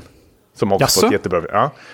Jag kan absolut inte se, det är två helt olika spel, men att man startar upp Spiderman 2 och sen ska jag slåss mot någon kille som är gjord av sand. ja, det, det går inte, min hjärna får inte ihop det. Starta upp Alan Wake. Slåss mot spöken. Jag, jag, jag, jag, jag är på... ja, jag, bara skriker. Jag, blir, jag blir Leonardo DiCaprio, pekar på skärmen. Ja, nej, men jag, jag förstår dig. Dricker kaffe i synk, pratar i liksom gåtor. Ja, det är så jävla bra. Musiken är också så här, och den, jag tycker också att man lyckas med, det är ett långt spel. Jag, har, ju- jag är inte klar än och jag ligger väl över 20 timmar i alla fall har jag spelat. Ehm, men jag känner ändå att tack vare att du har Saga Anderson och Alan Wakes historia som du kan liksom hoppa emellan Plus detta så tycker jag ändå att de två byter miljö, vilket gör det väldigt så här, varierande också. Då. Det känns väldigt liksom, så här, fräscht varje gång de tar sig vidare till ett nytt kapitel. Att man känner att det här, det här ska bli kul, det här ska bli intressant att utforska och sånt. Ehm, jag älskar pusslerna. Pusslerna är så jävla bra i det här spelet. Det är perfekt liksom så här, stanna upp och ehm, ja, men bara fokusera på någonting annat för stunden. Liksom. Eh, jag, jag tycker det är jättebra variation på dem eh, också i svårighetsgrad. Också. Vissa känns busenkla, vissa är, får man verkligen sitta och eh, knåpa ett tag på faktiskt. Ehm, Måste, måste säga något där känner jag om själva striderna. ingen gnäll nu. Då stänger Nej, jag av på direkt. jag Ingen vill gnäll. inte Jag, stänger, jag stänger av på direkten då. Jag, Jag vill inte göra dig upprörd. tokig. Men, för, för det är ju, om man jämför med till exempel ett spel som Resident Evil 4 remaken, så det, det spelet är ju roligare när det gäller strider. Och tydligare med var, var fiender befinner sig och hela den biten. Här är det ju mer, alltså du rör dig i de här skuggvärldarna, särskilt när du spelar som Alan Wake och typ är nere i tunnelbanan. Och de här skuggorna eh, som hoppar fram, vissa står ju bara och hänger typ i ett hörn. Typ, att, och gör ingenting om du eh, inte går för nära. Men, ja just det, Wake! Wake. Men så finns det de som är mer aggressiva och kommer fram med så här järnrör och ska börja spöa på dig. Då som Eh, så här, Sverigedemokraten. Sverigedemokrater på, F- på stan. Jaha. Men eh, det, det är ju lite så här, jag har ju dött väldigt många gånger i det här spelet ska jag säga. Och det är ofta när jag blir så här över, eller vad säger man, omringad av de här skuggorna. Då känner jag ofta att det här är helt kört. De kan lika gärna slå ihjäl mig allihopa. Eh, har- eh, Och jag hade väldigt mycket problem med första bossen. Eh, Fick spela om väldigt många gånger. Eh, Har du haft några sådana här problem? Kan du ens... eh, Du sitter och gäspar nu. Problem? Problemet, men alltså det- är, problemet är att du har problem. Det är mitt största problem. Vadå problem? Det är bara dodge-knappen. Hela tiden. Tjo, tjo, tjo, tjo. Sen nita till dem. Pah! Rak höger och springer iväg. Alltså, jag spelar precis som man gör med Resident Evil-spelen. Något skott, sen, alltså legs on the back. Jag springer rätt så mycket. Alltså jag har fullt, i mitt inventory just nu är Jag har fullt. Jag har verkligen fullt, fullt, fullt. Även Det- i showboxen. Det, det hände mig också nu här. Att Ja. Jag tror att det är någon, någon glitch eller någonting. Men jag har lyckats plocka på mig typ 25 stycken sådana här flashlights. Oj, Har det hänt dig också? nej, absolut Alltså, inte. 25 det fanns- stycken! Ja, men det, fin, det, fan, det finns en låda i hotellet. Du, du är när som du går- Nicolas Cage i The Rock, liksom. Ställer dig på alla fyra. Ja, men det var så här, det är bara att plocka upp en flashlight, springa tillbaka och lämna den i shoeboxen. Ja. Så har det dykt upp en ny. Det är bara fram och tillbaka. Så jag har liksom stackat upp med 25-30 flashlights. Men jag har hört klara att, eh, och jag lyssnade lite på Gotepodden, att spelet ska vara väldigt här, generöst och så här, strössla ut eh, saker runt banan. Jag har inte märkt det, men, för jag har aldrig haft slut på ammo eller någonting. Eh, men det är möjligt att det är så att du, det, där låter som en bugg bara. Jag har, absolut, ja, jag har absolut inte 25, men däremot jag skjuter inte så jättemycket. Eller jag skjuter för att eh, staggra dem. Jag har ju, alltså, man kan ju uppgradera sina vapen i det här spelet. Eh, och då har jag satsat väldigt mycket på stagger-effekt och sånt där. Så, Skjuter dem i huvudet och, de, och så... Och då springer jag iväg. För att något jag har märkt är att hur mycket det än dödar så kommer liksom fienderna tillbaka förr eller senare på vissa ställen. Då. Ehm, nej, men om jag ska säga någonting som jag stör mig på, och det, det har kommit nu under senaste um, patchen som jag märkte idag när jag satt och spelade. i, ehm, som jag, som jag vart, det, det, det vart jag faktiskt irriterad på. Och det är, jag är ute i skogen med Saga Andersson och så är det ett sånt här pussel som man ska leta, man ska leta efter så här, eh, ikoner eller någonting. Eh, för att låsa upp det, ett sånt här hänglås. Eh, ja, men soft. Och så går jag runt och tittar och jag försöker få ihop det. Liksom, Okej, där är en, där är en. Men då börjar spana massor med fiender. Okej, ja men tänker jag, det är väl fine. Och så skjuter jag ner dem, för då vill jag ändå vara där. Liksom. Jag kan inte springa ifrån. Så jag skjuter ner tre stycken eller vad det är typ. Sen fortsätter med det här pusslet. Sen tar det typ tre, fyra minuter. Och så kommer fienderna tillbaka, att de respawnar någonting. Och det Ja, har inte hänt innan. Och då vart jag, då surnade jag till rejält. För då tycker jag ändå att Eh, om man har ett pussel så tycker jag ändå att då ska man vara i någon slags safe zone och kunna liksom så här njuta utav det utan att liksom hålla på och gå runt och skjuta runt en massa. Eh, men där kän- det, är, det är den enda gången det har hänt för mig. För där känns det också mer som en bugg. Det är lite små buggar i det här spelet. Alltså, särskilt Jag märkte. ljudbuggar och undertexter som inte hänger med och allting sånt där. Men spelet har så otroligt mycket styrkor så att liksom det... det eh, Går att förlåta. Det, ja, precis. Det är fortfarande, alltså det, det är ett, det är ett, det är ett 5 plus-spel för mig i alla fall, det här spelet. Det är fullpottare. Det här är ju ett av de bästa liksom, skräckspelen jag har spelat på väldigt, väldigt, väldigt länge. Om eh, Resident Evil-spelen är alltså, actionskräck eller någonting. Det, jag vet inte ens om man ska räkna dem som skräckspel längre, men det är väl actionspel i horrormiljö. Det här är ju tvättäkta liksom. Det här är ju skräck på riktigt, liksom, så psykologisk skräck. Eh, och verkligen om du är ett om du är ett gammalt Silent Hill-fan och David Lynch-fan så är det här ett måste. För att liksom, referenserna är ju, alltså det haglar av referenser. Liksom. Ja, Ehm, och jag tror som... på ett som bra sagt sätt. Att, ja, på ett väldigt bra sätt. Och jag tror som vi har varit inne på att uh, Bluebird Team kommer ju inte kunna matcha det här i sin Silent Hill 2 Remake. Nej men eh, nu sitter man ju och skrattar på det. I, eh, liksom, på. Alltså man tänker så här, ni är ju galna. Alltså då, Ja. Bluebird Team måste säga, när de tittar på det här, jävlar. Vi, vi lägger ner. Vi måste, vi måste reboota allting, vi måste bara få Ja. börja. Alltså Ja, tänk om. Re- Remedy, nej det vill man inte heller göra. Man vill inte att Remedy Nej, ska man vill göra att Remedy ska göra sin grej. Ja. Ehm, Eh, jag tycker det är så otroligt snyggt också hur de knyter ihop eh, alla deras ehm, universum i varandra. Du nämnde Control, men även har vi Max Payne eh, som supertydligt eh, dyker upp eh, i det här spelet. Eh, jättehäftigt eh, och coolt sätt. Jag, jag tycker det är... eh, Sen är det ett spel också som är väldigt ovanligt att man använder av eh, riktiga filmsekvenser också. Eh, med riktiga skådespelare. Eh, och det tycker jag också funkar hur bra som helst. Jag tycker det ger en, också en sån obehaglig känsla att den hoppar mellan eh, det grafiska och sen något som är på riktigt som man har filmat. Då. Jag vet inte hur man Ja. ska... Det är otroligt snygga, övergångar från de här... Det, det, är liksom, det smält samman egentligen, spel och film känns det som. Ja men precis. Eh, jag var ju i någon sån här biosalong eller någonting där man fick se en kortfilm eller vad det var. Typ. Så jävla bra var den alltså. Jag, jag, jag, satt, jag satt och tittade på hela filmen alltså. Så jävla bra. Det var ju som att se en liten kortfilm från David Lynch. För fan, jag bara... Vet du vad som hände då? Nej, du... Jag var som Leonardo DiCaprio igen. Bara peka. Peka. Ah! Bara skrek. Peka på, peka på skärmen. Skrek liksom. Fy Ja. fan. Nej, Nej, här, jag, jag håller med dig, det här är... Det, det här är förmorligen en femplussare. Alltså en förmodligen. Är du psykopat eller? Det här är ju det helgjuten femma. Ja, det, är min. Nej, men jag, jag tycker eh, skaparen Sam, eh, Sam Lake och hans team ska ju vara så här supernöjda. Mm. De har ju verkligen överträffat eh, eh, ja, jag hade ju inte höga förväntningar, men eh, fansens förväntningar. Eh, sen tycker jag även liksom så här, både skräckgenren och allting har de ju liksom överträffat. De, de har liksom, det känns som de har gjort något eget, det är snygga blinkningar till andra genrer och allting sånt där. Eh, det, det är ett perfekt spel. Det, det blir inte bättre så här faktiskt. Nej, det är, det är en Gote-contender, det kan jag lugnt säga. Ja, ja, men om vi säger det här eller Resident Evil 4. Det här. Ja, bäst för dig.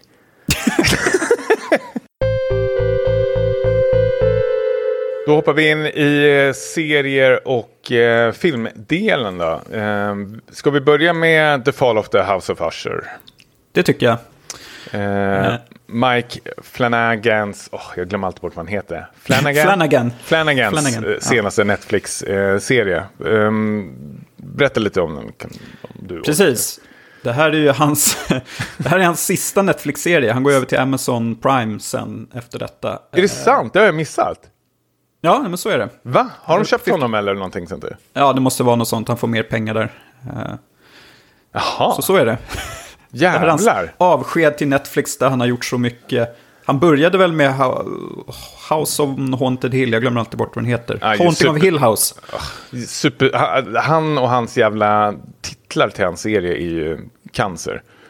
Ja, han, han har ju hållit på här och hållit på och liksom rö- röra till det genom att eh, ändra. Pre- precis som med den serien, i det här fallet så är det ju eh, Edgar Allan Poe eh, noveller eller dikter och sånt som han har liksom rem- remixat känns det som och bland, blandat in i en annan serie. Vilket jag ändå tycker är en kul grej han gör. Och precis som i Haunting of Hill House så följer vi en dysfunktionell familj som eh, i det här fallet är någon form av succession-familj som är väldigt stora inom så här läkemedelsindustrin. Och du har den här patriarken eh, som spelas av Bruce Greenwood som återberättar för en eh, åklagare då i ett gammalt hus om hur alla hans barn har dött. Eh, det är väl sex barn totalt då. Eh, och sen så får vi då, ska vi då få reda på hur det här gick till. Och varje avsnitt är, precis som jag har för mig Hill House var ägnat åt en specifik karaktär. Och det är... Eh, det är ägnat åt du- en, åt en eh, speciell bok också. Eller kortnovell. Precis, precis. Eh, var, varje liksom bok, eller varje avsnitt är ju liksom en kort referens till en eh, Edgar Allan Poe-bok också. Förutom liksom seriens eh, eh, huvudtitel som också är en eh, Edgar Allan Poe-bok så är det ju liksom alla avsnitten också små liksom, Mm. referenser till andra. Eh, många känner man igen, många känner man eh, inte igen. Ta- eh, Tacka Simpsons för det här.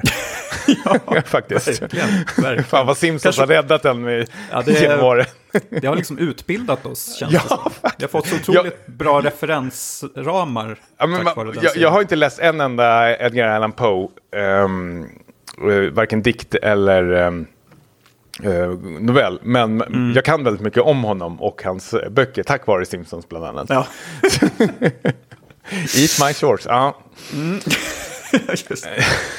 Ja, nej men det här... ehm, den här serien är ju... ehm, har ju dragits med en hel, drogs med en hel del problem, eh, har jag läst mig till under inspelningen. Och det berodde ju på att eh, den här patriarken då, eh, Roderick Usher, spelades ju från början av skådespelaren Frank Langella.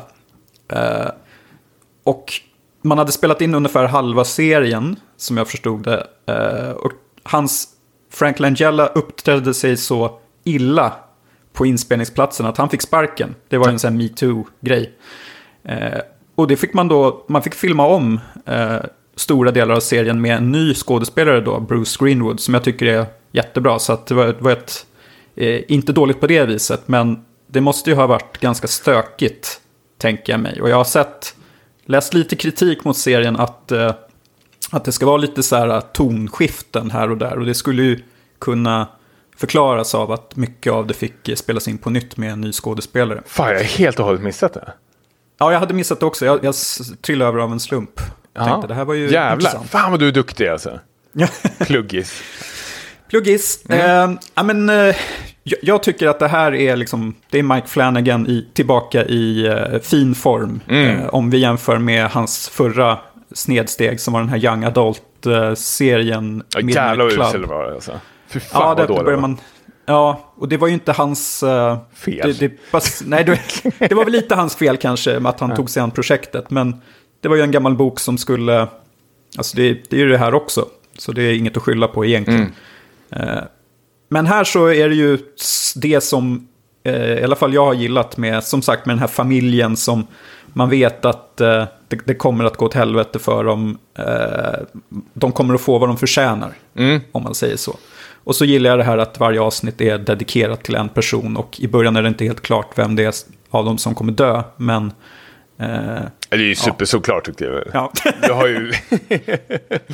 Det ser, man ofta, det ser man oftast på liksom den Netflix-startbilden, episoden. det Ja, är som- precis. Nej, men jag, jag gillar ju att, eh, för jag gillar ju också den här serien väldigt mycket. Jag, det här är ju en av hans eh, bästa. Det här är ju liksom, det här är ju väl mer åt skräckhållet, för den är ju väldigt makaber. Eh, Den här serien, den är väldigt blodig eh, och en del liksom påminner till med om liksom Saw-serien, att det kan vara väldigt så här makabra eh, mord eh, ibland.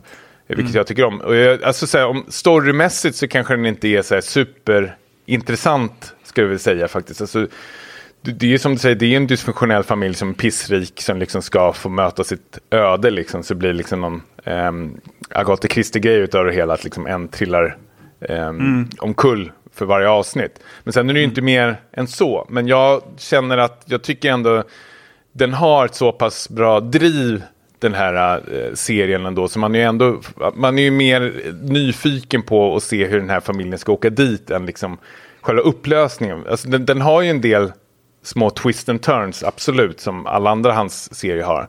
Men det är väl kanske ingen så här wow-känsla på det. Utan den är väl mer... ehm, det här är väl mer mysskräckis, skulle jag säga, fast för eh, vuxna ändå. Ehm, eh, Absolut. Jag tycker den har ju, precis som du säger, att, att den också eh, säger, den sprider ut lite så här mysterier längs med eh, seriens gång som man gärna vill få svar på. Det är ju mycket så här tillbakablickar på när han Roderick Usher är ung och så här på väg upp i det här företaget. Och det är, han, han ser ju fruktansvärda syner, framförallt är det någon sån här joker eller narr som dyker upp lite då och då med en sån här pl- plingklocka. Och då undrar man ju lite, var kommer det här ifrån? Och det får man ju svar på i, i slutändan. Ja. Ehm, Men samma sak där, det är ju inte så här, man trillar ju inte av stolen precis när man får nej, reda nej, på det det. är ingen, utan så här, det är ingen sjätte sinnet-twist. Nej, direkt, nej men utan- precis. Men serien, det, om jag ska ge någon kritik så bygger väl serien upp till det här lite. Att liksom nu, ska, Mm. nu kommer ni vara med om någonting. Eller när de presenterar själva liksom de här twisterna så kanske de inte är så här jättewowiga. Utan det, det som är roligt, alltså jag tycker för det första är ju att skådespelarna, hela ensemblen är ju helt otroliga. Det är ju ingen man Mm. Stör sig på eller irriterar sig på utan alla känns väldigt så här genuina, roliga och har sin liksom roll i det hela, sin liksom nisch. Mark Eh, Hamill. Jaha, ja men precis. det var otroligt chockad att han var med. Ehm, Men sen tycker jag också att eh, den är ju rolig också. Alltså, det, helt plötsligt kan den ändra någon slags här tonläge och bli någon slags här absurd liksom, komedin. Särskilt sist, näst sista avsnittet, ehm, eller två sista avsnitten jag tyckte jag var väldigt roliga. Där du får följa den här, hon heter väl så här Ruth Codd tror jag hon heter, Juno heter hon i serien.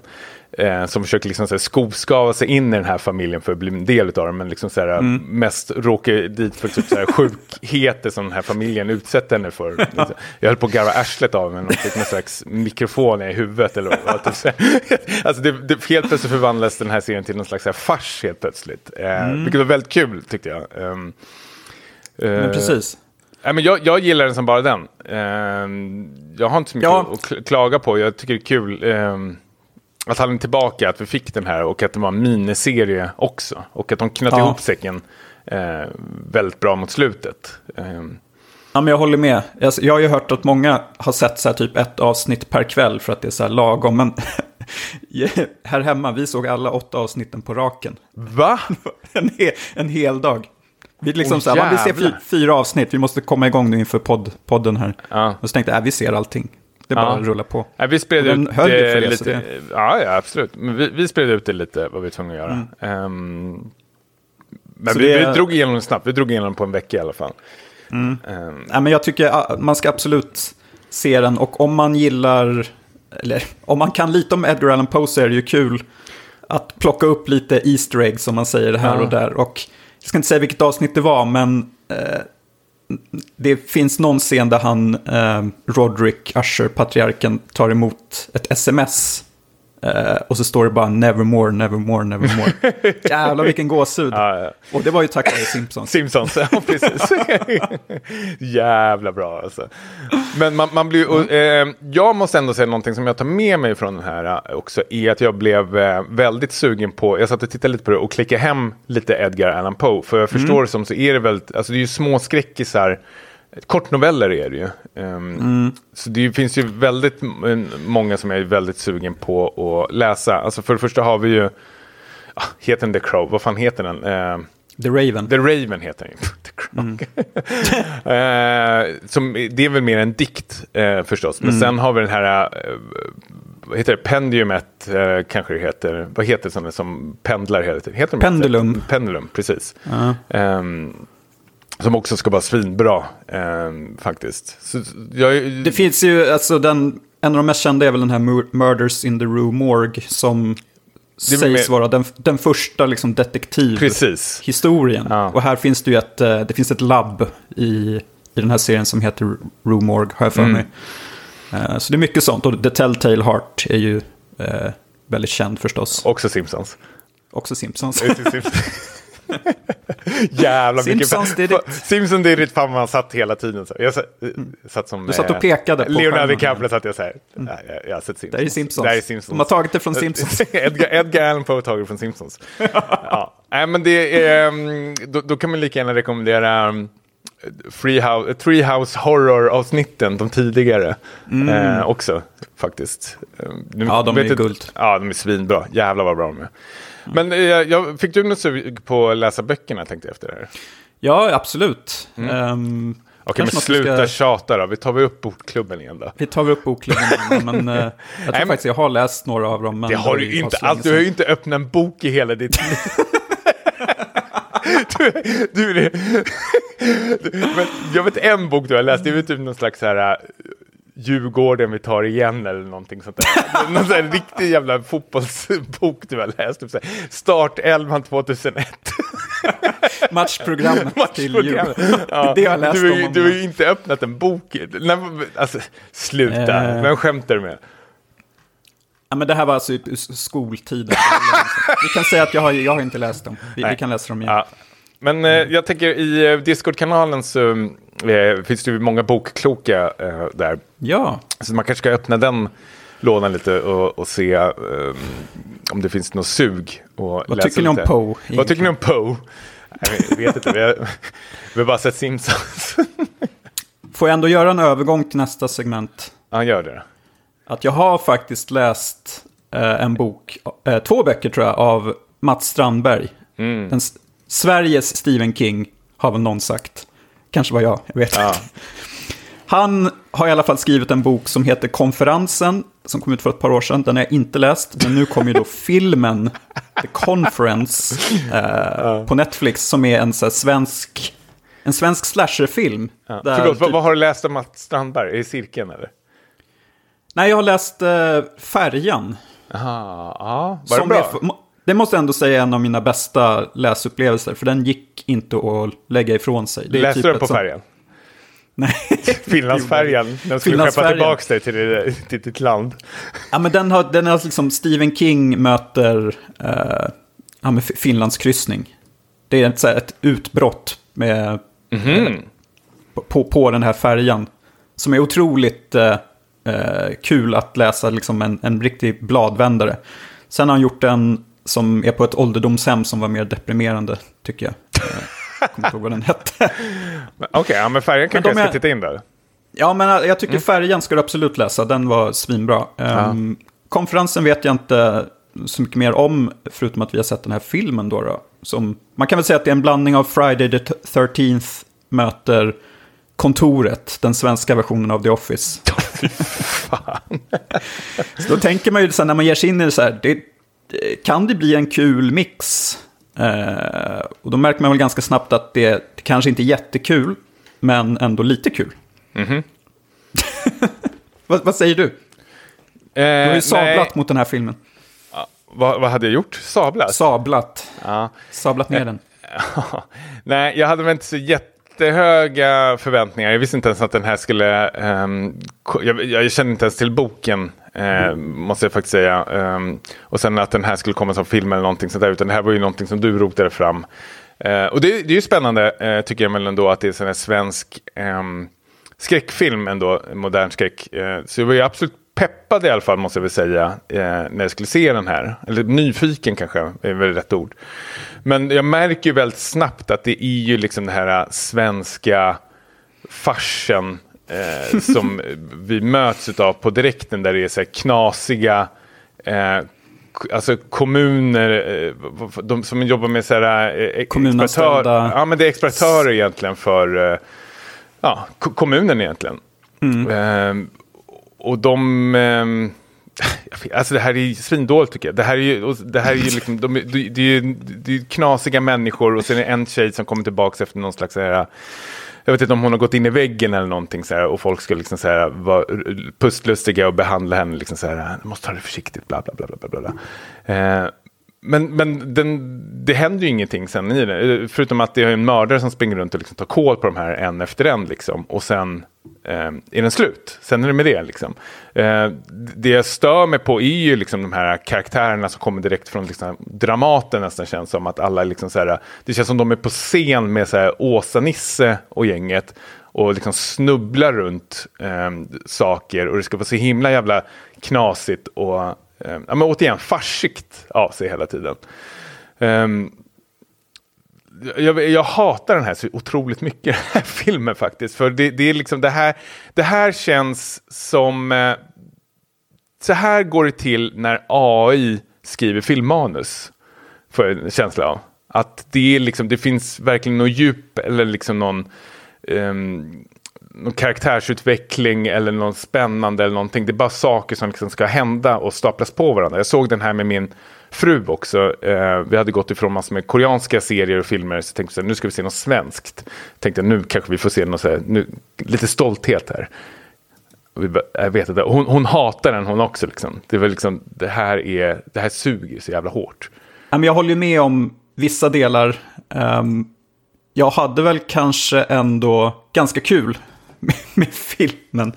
Jag tycker att, visst det är ju stereotypiska karaktärer helt klart, men eh, det finns ändå någonting eh, lite nytt i att det är just den här svenska kontexten som jag tycker att man gör ändå ganska mycket av. Eh, jag ska inte säga att det är mycket så här, igenkänning och sånt, men ändå lite. Alltså jag, jag sitter ju och kollar på gamla skräckfilmer emellanåt och det här är ändå, eh, i, i den här eh, miljön så gör det ju ändå att det blir lite eh, nytt och fräscht eh, kan jag tycka. Och sen tycker jag faktiskt att han Adam Lundgren är ganska rolig som den här ja, men speedade, han känns som en sån konsult typ. Ja men yuppie-figuren som eventuellt mm. är lite korrupt då.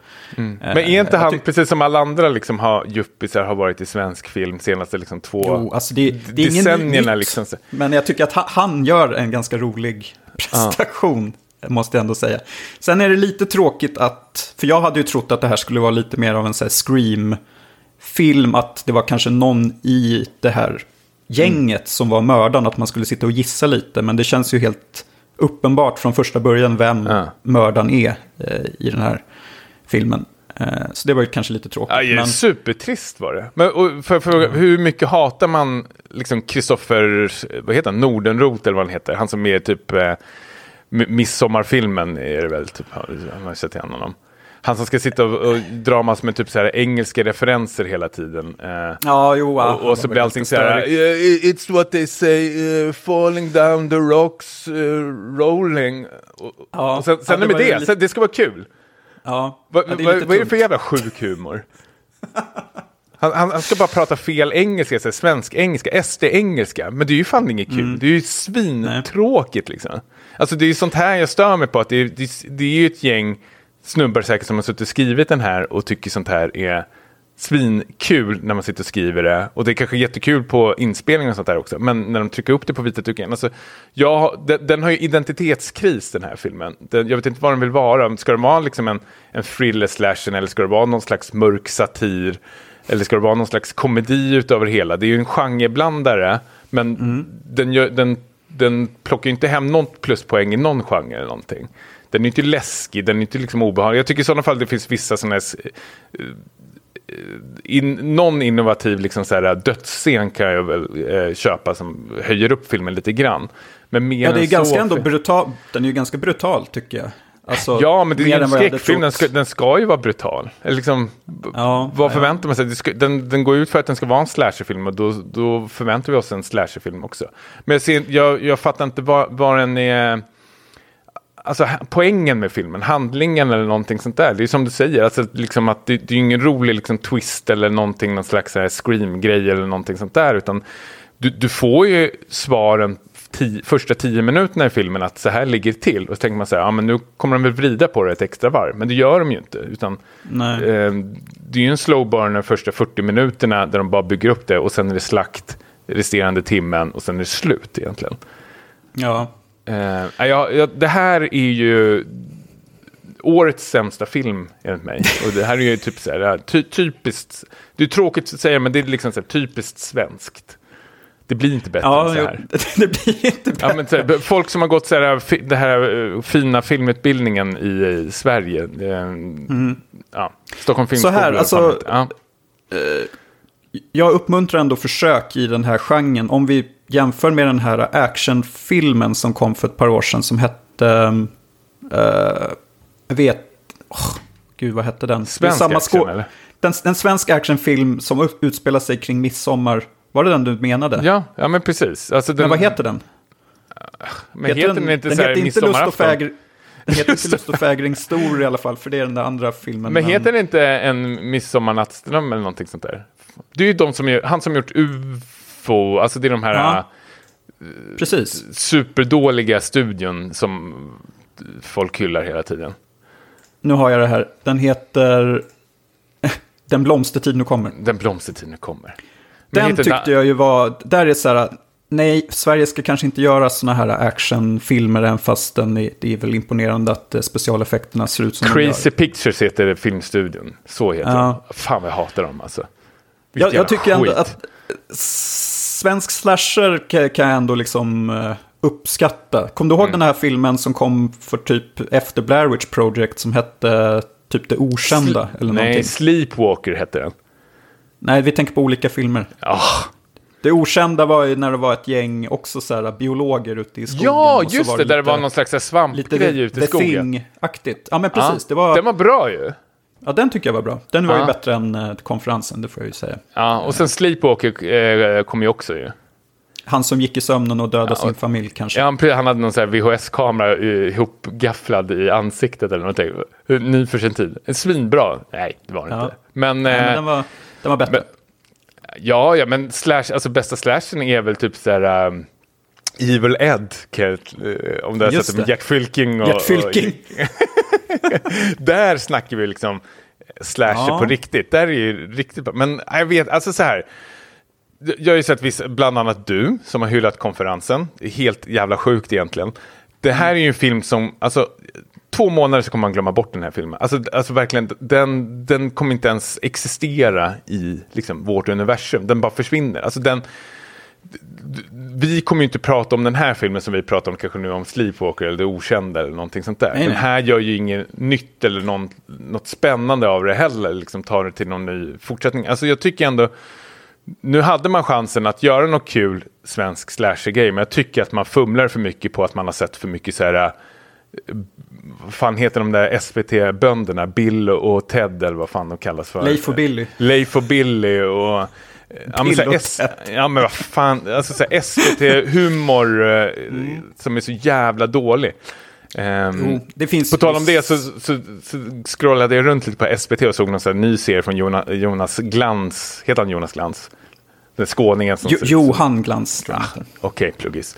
Mm, Som har också släppt någon här tv-serie med bland annat Johan Rheborg där de reser runt i tiden och så ska de snubbla runt bland massor med danskar. Alltså vilket jävla piss. Alltså att de får betalt för det där alltså. Det är så jävla sjukt alltså. Det är ju det här jag blir provocerad av. Att det, det är ju ändå det här rövgänget som gjort konferensen och alla andra, de får ju ändå, de får ju väldigt bra betalt för det. Och jag känner så här, om jag kan skita ut bättre, alltså jag kan sätta mig på toaletten, gräva fram det som kommit ut och sen kan jag tejpa upp det på väggen och säga, titta, bättre än konferensen. Men det är skit Ja. du har satt upp. Ja, men det är bra skit. Det är bra skit. Nej, nej det här är ju det här är bedrövligt tycker jag. Det här är ju eh, Ted Lasso-klass. oh. ja, det, Nej, usch. Nej, men konferensen är en uh, hard skip för mig. Eh, du satte väl ändå fyra, tyckte väl det var en av årets bästa. Du är uppe i så här... det är verkligen inte. det, det är Tre uppe- plussare. 1,40 lång. Jag vet, någon, någonstans bakom så tänker jag att det är Nolan-klass det här. Det är Nolan-klass. Det är Nolan-klass. Du sitter som Leonardo. DiCaprio och pekar på skärmen under konferensen. Det är Nolan. Det är Nolan. ja, Uh, ja, men ska vi gå över till vår sista film? Mm. För eh, den här gången. Eller Ja. vårt sista... Nu blir det spännande, nu blir det spännande. Kör på. tycker jag. Det här är en lite bortglömd eh, BBC-mockumentär som heter Ghostwatch. Som varken du eller jag hade hört talas om egentligen förrän några veckor sedan då den bara poppade upp. Eh, och det har ju nog sina förklaringar till att den inte riktigt har... Eh, att den finns riktigt i folks, folks medvetande. Men det är ju väldigt speciella omständigheter kring hur den här filmen eh, visades. Ehm, Det, det här var ju en del av, som en så här uppesittarkväll egentligen på BBC. Där man skulle, ja, på, på Halloween då, 1992, så skulle man visa att vi, ja, men vi, vi undersöker ett eh, påstått hemsökt hus. Man skulle fejka en direktsändning. Man fejkade en direktsändning som egentligen var inspelad på, Ja. för någon månad sedan eller någonting. Eh, och där då de här skådespelarna är ju egentligen då BBC-medarbetare och programledare med eh, Michael Parkinson i spetsen som det här ankaret som sitter i studion. Och de har då skickat in en av sina reportrar in i det här huset som eh, och några liksom filmare och en ljudupptagningskille eh, som intervjuar den här familjen eh, där det börjar hända saker. Det, det är ett klassiskt, liksom, som man kallar för i tv-branschen, OB-team. Alltså eh, outside broadcasting team Mm. då, som ska ut. Och samtidigt står den här äh, BBC-bussen utanför med Mm. massa nyfikna åskador. OB-bussen. Nu har man lärt sig någonting. Ja. Ehm, och det här, ehm, det här är ju fascinerande, för det här är ju liksom sam, samma grej som egentligen Blair Witch Project gjorde, fast många år tidigare. Eh, det är en föregångare i lite så här found footage-genren ändå. Och jag tror att man kan väl jämföra det lite med det, nu tappar jag namnet på honom också, men den här kända gamla skådisen som läste in ett så här radiomeddelande att nu kommer det utomjordingar. Uh, Orson Welles. Orson Welles, tack. Där Eh, folk liksom blev, blev rädda på Men- riktigt och började så här... Det var väl Världarnas krig han läste Ja, just in. det, han läste- Han läste in Världarnas Folk hade krig. inte läst den, de och så trodde de att det var en, pantade. eh, ja, precis, de trodde det var en invasion på riktigt. För den är väl, den väl skriven i så här i presens. Ehm, Mm, just det. Och då är, börjar väl typ, ehm, alltså jag tror Världarnas krig-boken öppnar väl med att det är en sån här broadcasting eh, grej att liksom så här, vi är under attack. Larmet går. Ja, Ja, precis. men typ här, och folk så här, panikar. Fem plus. Ja. här i, i den här um, Ghostwatch då, då, det korsklipps ju lite med eh, liksom, Studio. intervjuer i studion med någon sån här, eh, det är ju en väldigt bri- brittisk produktion det här, någon sån här skojfrisk reporter som är ute och intervjuar folk. Eh, de tar emot samtal till deras växel där folk ringer in då med lite spökhistorier. Och det som är grejen här är ju att i takt med att de i huset börjar upptäcka saker så börjar folk ringa in till studion och säga att de också har sett samma saker som de ser i huset. Ja, men de har upplevt av- saker. Eh, Upplevt alltså- saker, att nu, det händer någonting. Mm.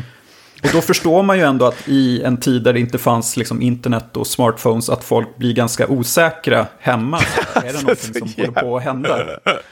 Det, är, så, det är ganska så här, det är ganska grymt. Alltså det, det är taskigt. Alltså jag, jag är förvånad över att de vågar löpa linan ut som de gör i den här produktionen. För det blir ju otroligt mörkt sista tio minuterna.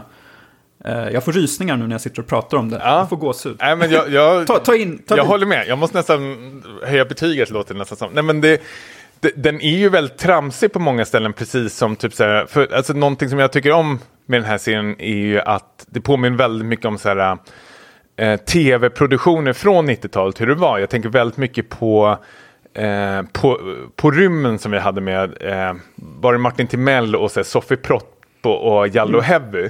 Att du liksom så här, klippte, korsklippte mellan en studio där Timell står och typ gaggar och sen är det liksom ut på liksom fältet för liksom så här, följa upp liksom. Eh, och sen att man blandar även in eh, liksom så här, intryck ifrån, ja, man kallar för så här, tredje man eller vad det var, vanliga civila då, människor.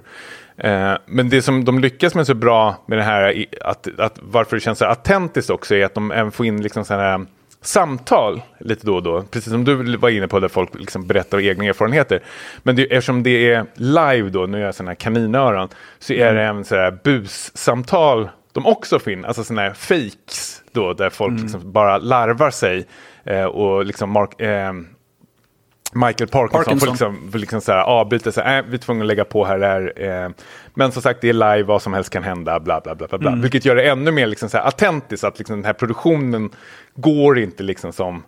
Alltså det, det är typiskt live, att det, att det ska vara lite så här hackigt och sånt där. Det jag tänker också på så här Efterlyst och liknande produktioner också, där de får in sådana här konstiga samtal och allting sånt där. Eh, Alltså man hade ju ingen...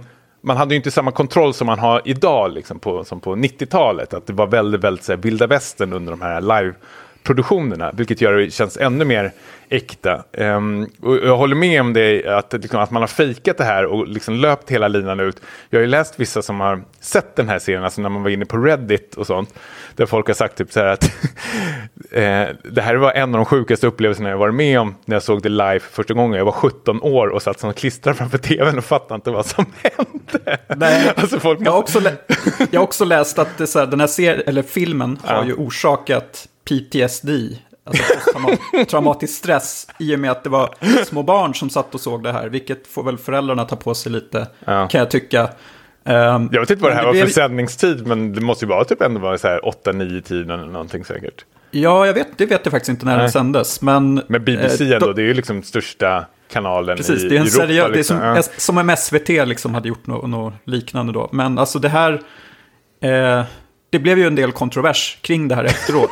för att de inte ansåg att liksom, BBC hade varit tillräckligt tydliga med att det här är så här fiktion. Ja. Ehm, men Alltså, det är ju det största tv-pranket som har gjorts i, har gjorts i världshistorien tror jag ändå. Ja, absolut. Ehm, och den, den Men jag är- tror att B- Mm. BBC vill ju inte, eh, liksom, det har ju aldrig sänts igen. Eh, och det, har liksom, det är ingenting som BBC själva skyltar med. Det här är ju någonting som man snarare vill begrava, får jag känslan av.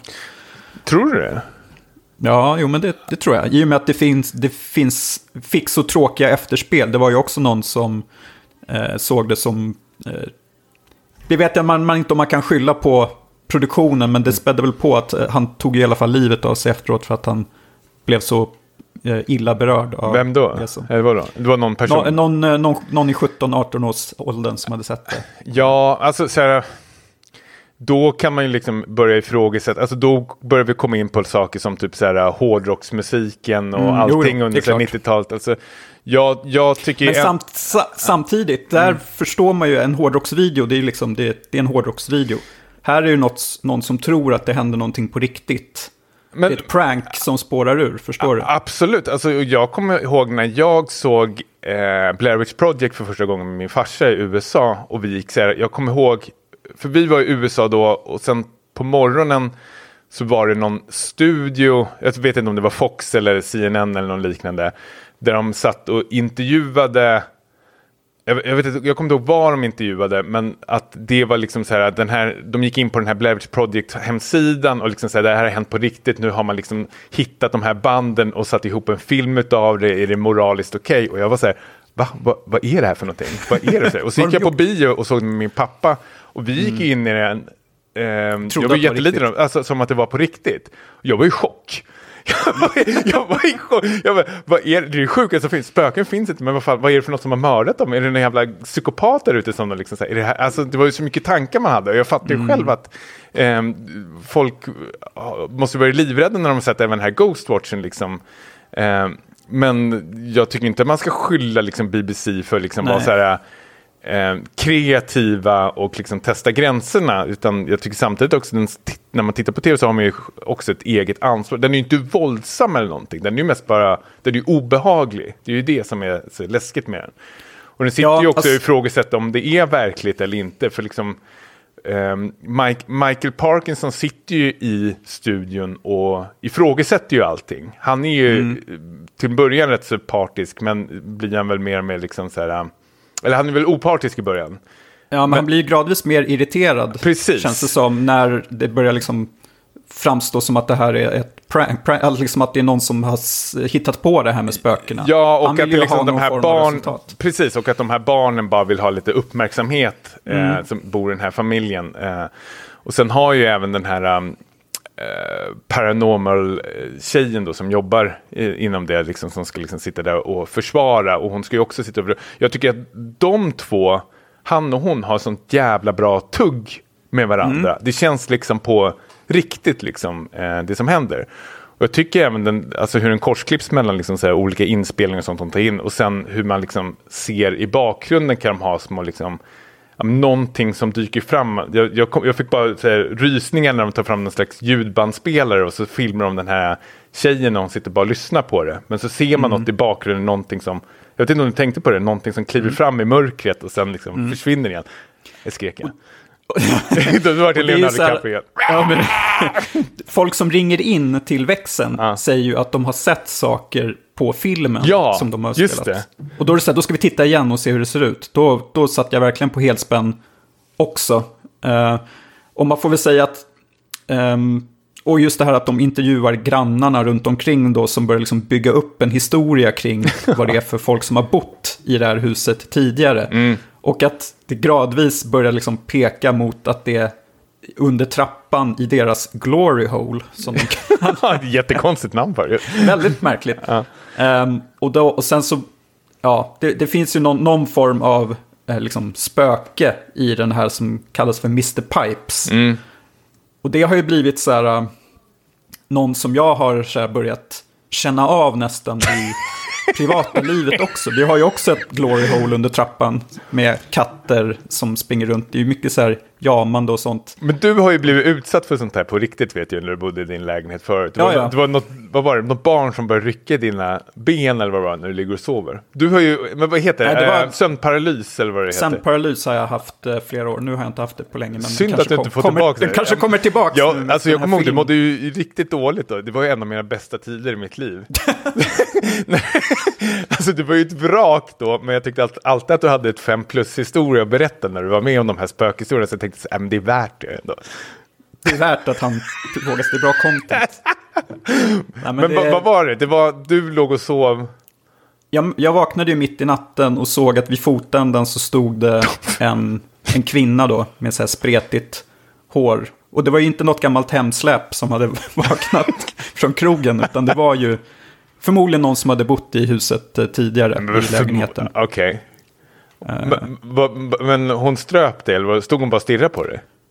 Hon stod och stirrade, sen började de komma fram eh, och då lyckades jag liksom tända lampan. Det var som i Alan Wake, jag lyckades hålla mig i ljuset så här, från skuggorna.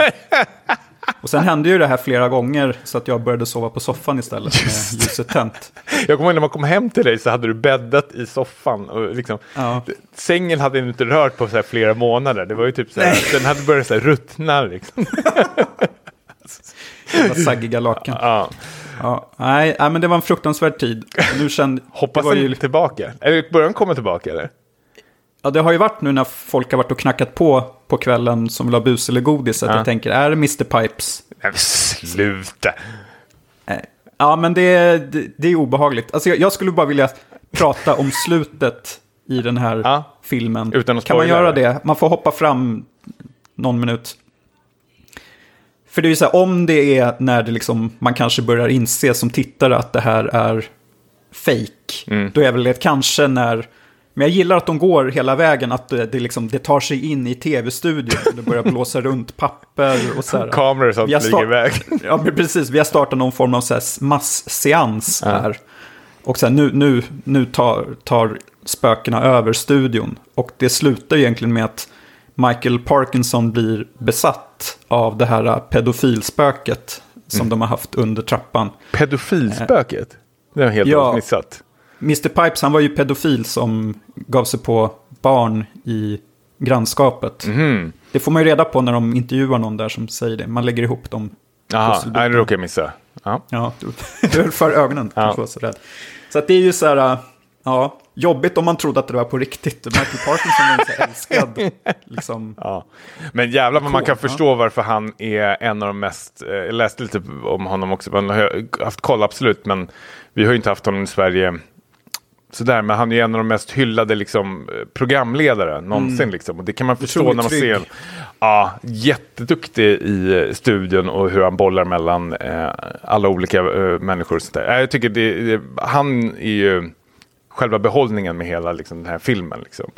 Um, Sen klipp den faller lite på för mig är ju liksom det här uh, den här snubben som springer runt i grannskapet och intervjuar folk. Det blir lite tramsigt. är eh, pajigt. Ja, det, jag tycker det kan bli lite pajigt. Och det var ju då jag missade kanske att någon pedofil härva där. Men jag tycker att det blir för mycket eh, kamera Spex. på axeln och slänga runt. Och, ja, men lite, precis, lite spex framför kameran och sånt där. Ehm, hon, reportern som är inomhus tycker jag också gör ett så här, jättebra eh, jobb faktiskt. Eh, köper det helt och hållet. Ehm, så det är egentligen bara den där utomhusproduktionen, alltså när de är utanför och springer runt i grannskapet som jag ser eh, som det enda minuset. Eh, annars är det en jättebra eh, film faktiskt, tv-film. Ehm, Ja, så och framförallt som en en tv-happening som Ja. man aldrig har sett förut och som aldrig kommer se igen, känns det som. Nej, men man skulle vilja ta det här nästan till en nästa nivå. Alltså man undrar liksom när blir det okej att göra så här igen eller något liknande. Alltså tv-produktionen måste göra ett så här, um, ett prank med tittarna igen. Alltså, det, det var ju ett tag sedan. Jag vet så här, Andy Kaufman, eh, kommer ni ihåg honom? Eh, komikern, han hade ju på 70-talet, han hade en eh, taldocka eller vad det var. Som han, eh, jag vet inte om det heter taldocka. En sån där man stoppar upp i handen och så står man och pratar. Och då är det ju bara en monolog han har med den här dockan i tio minuter. Men själva pranket var ju att när de har filmat det här så har de lagt på en effekt att liksom tv-bilden börjar skaka och det blir liksom så här streck på bilden. Så folk trodde det var på riktigt och gick fram till tv-burken och slog på den som man gjorde förr i tiden för att få igång den här analoga signalen igen. Eh, men då var ju det själva liksom pranket, att det var liksom en dålig sketch, bara att de la på en effekt att det var liksom så här brusig bild och folk trodde det var på riktigt och gick fram och slog på tv-bunken. Även det här med... I Sverige när de skulle sätta strumpbyxor över tvn så blev det färg. Ja, just det, det känner jag. Den gamla- Ja, Gamla pranket. den gamla pranket. Lite mer raffinerat skulle vi vilja ha det idag. Ja, Kanske. ja men precis. Eh, Men det vore kul om det kommer något, tillbaka. ja, nå- något liknande. Hörru, innan vi avslutar, vi får avsluta med en liten så här teknikgrej faktiskt. Ehm, vi har fått lånat en ehm, dator ifrån eh, HP, deras gaming eh, station, stationär dator tänkte jag säga. Det är en laptopdator. Ehm, deras Omen-serie och det är en så här riktig jävla håll käften-dator. Liksom. En, ja, men det, är en, det är en speldator gjort if- ifrån HP då, som kallas för Omen. Eh, jag fick låna deras 16-tummare ehm, och den tog jag faktiskt med mig till Korea för att testa.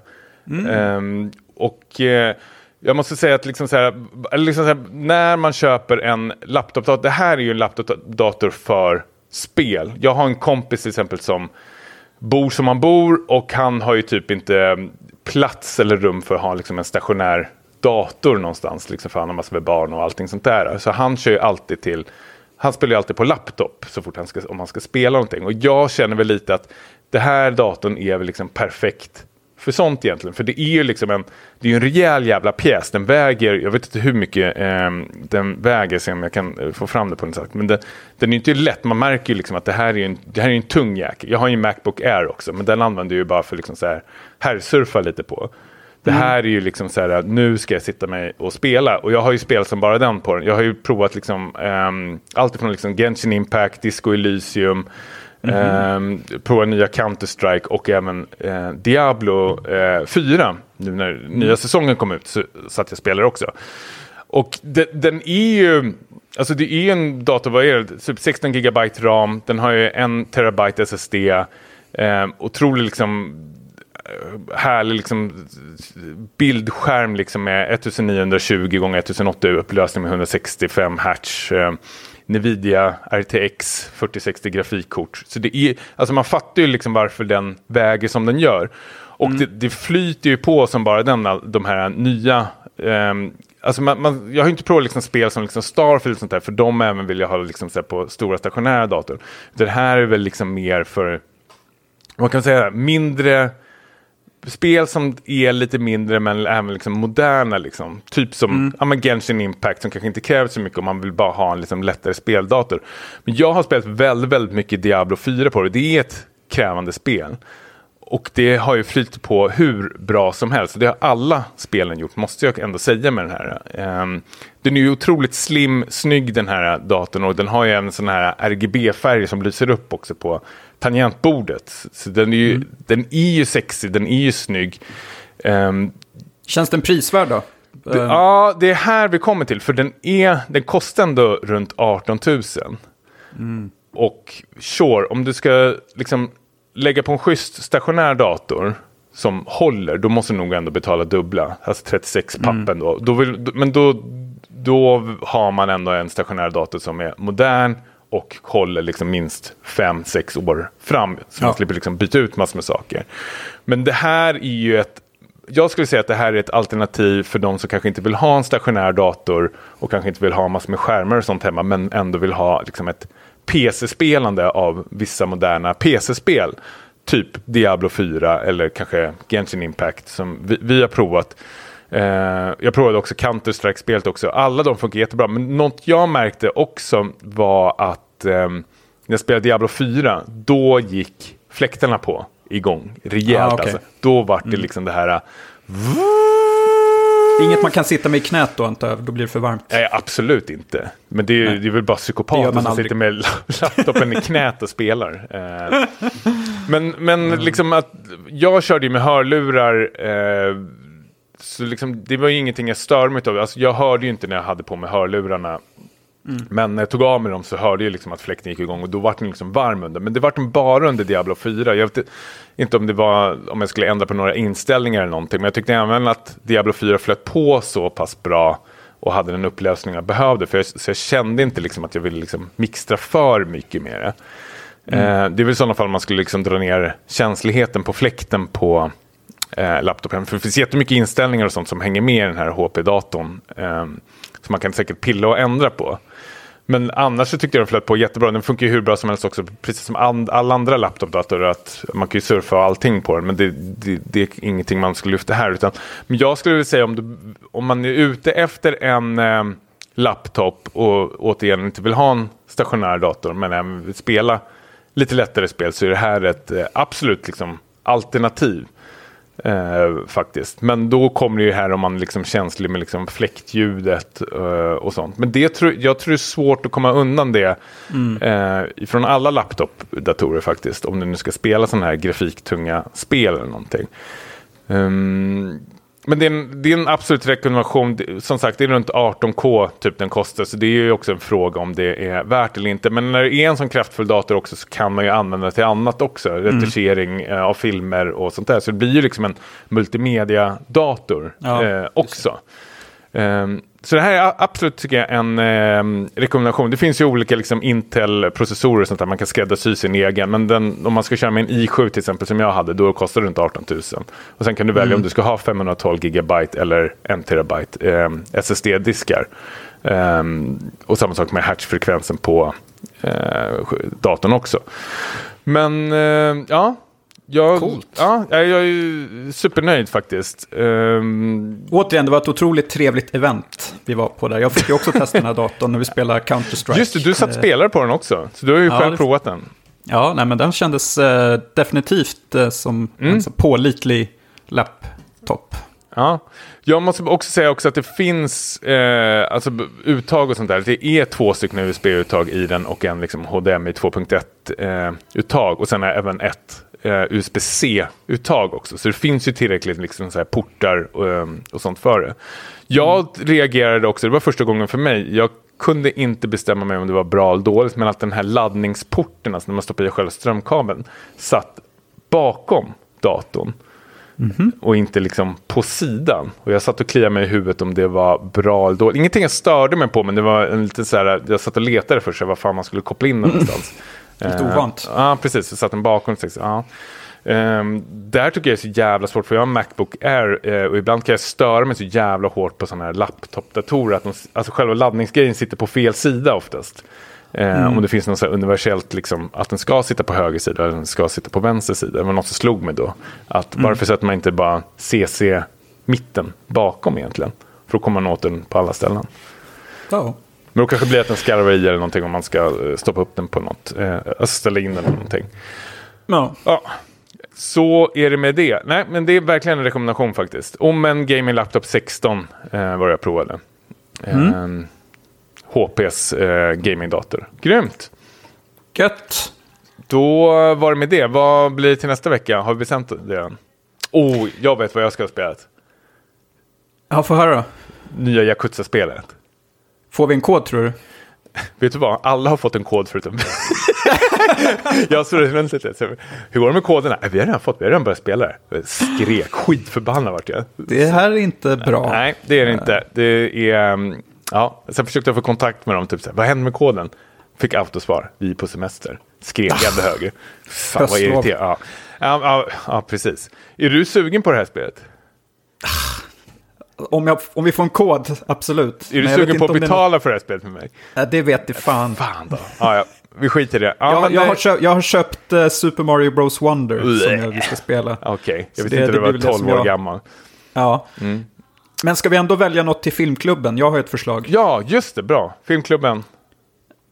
För då har ju eh, David Finchers nya kommit till Netflix, The Killer. Kill, det kill Michael Fassbender. Ja, ska vi se den då? Ja, absolut. Jättebra förslag. Ehm, Får se om eh, det är en ny eh, Seven eller om det är en ny eh, Mac. Eller vad den hette. Mank. Mac. För fan vilket jävla skit det var, den, den filmen. Alltså. Ja, han har lite att bevisa nu. Ja. ja, men kul. Det är jag jättepeppad på.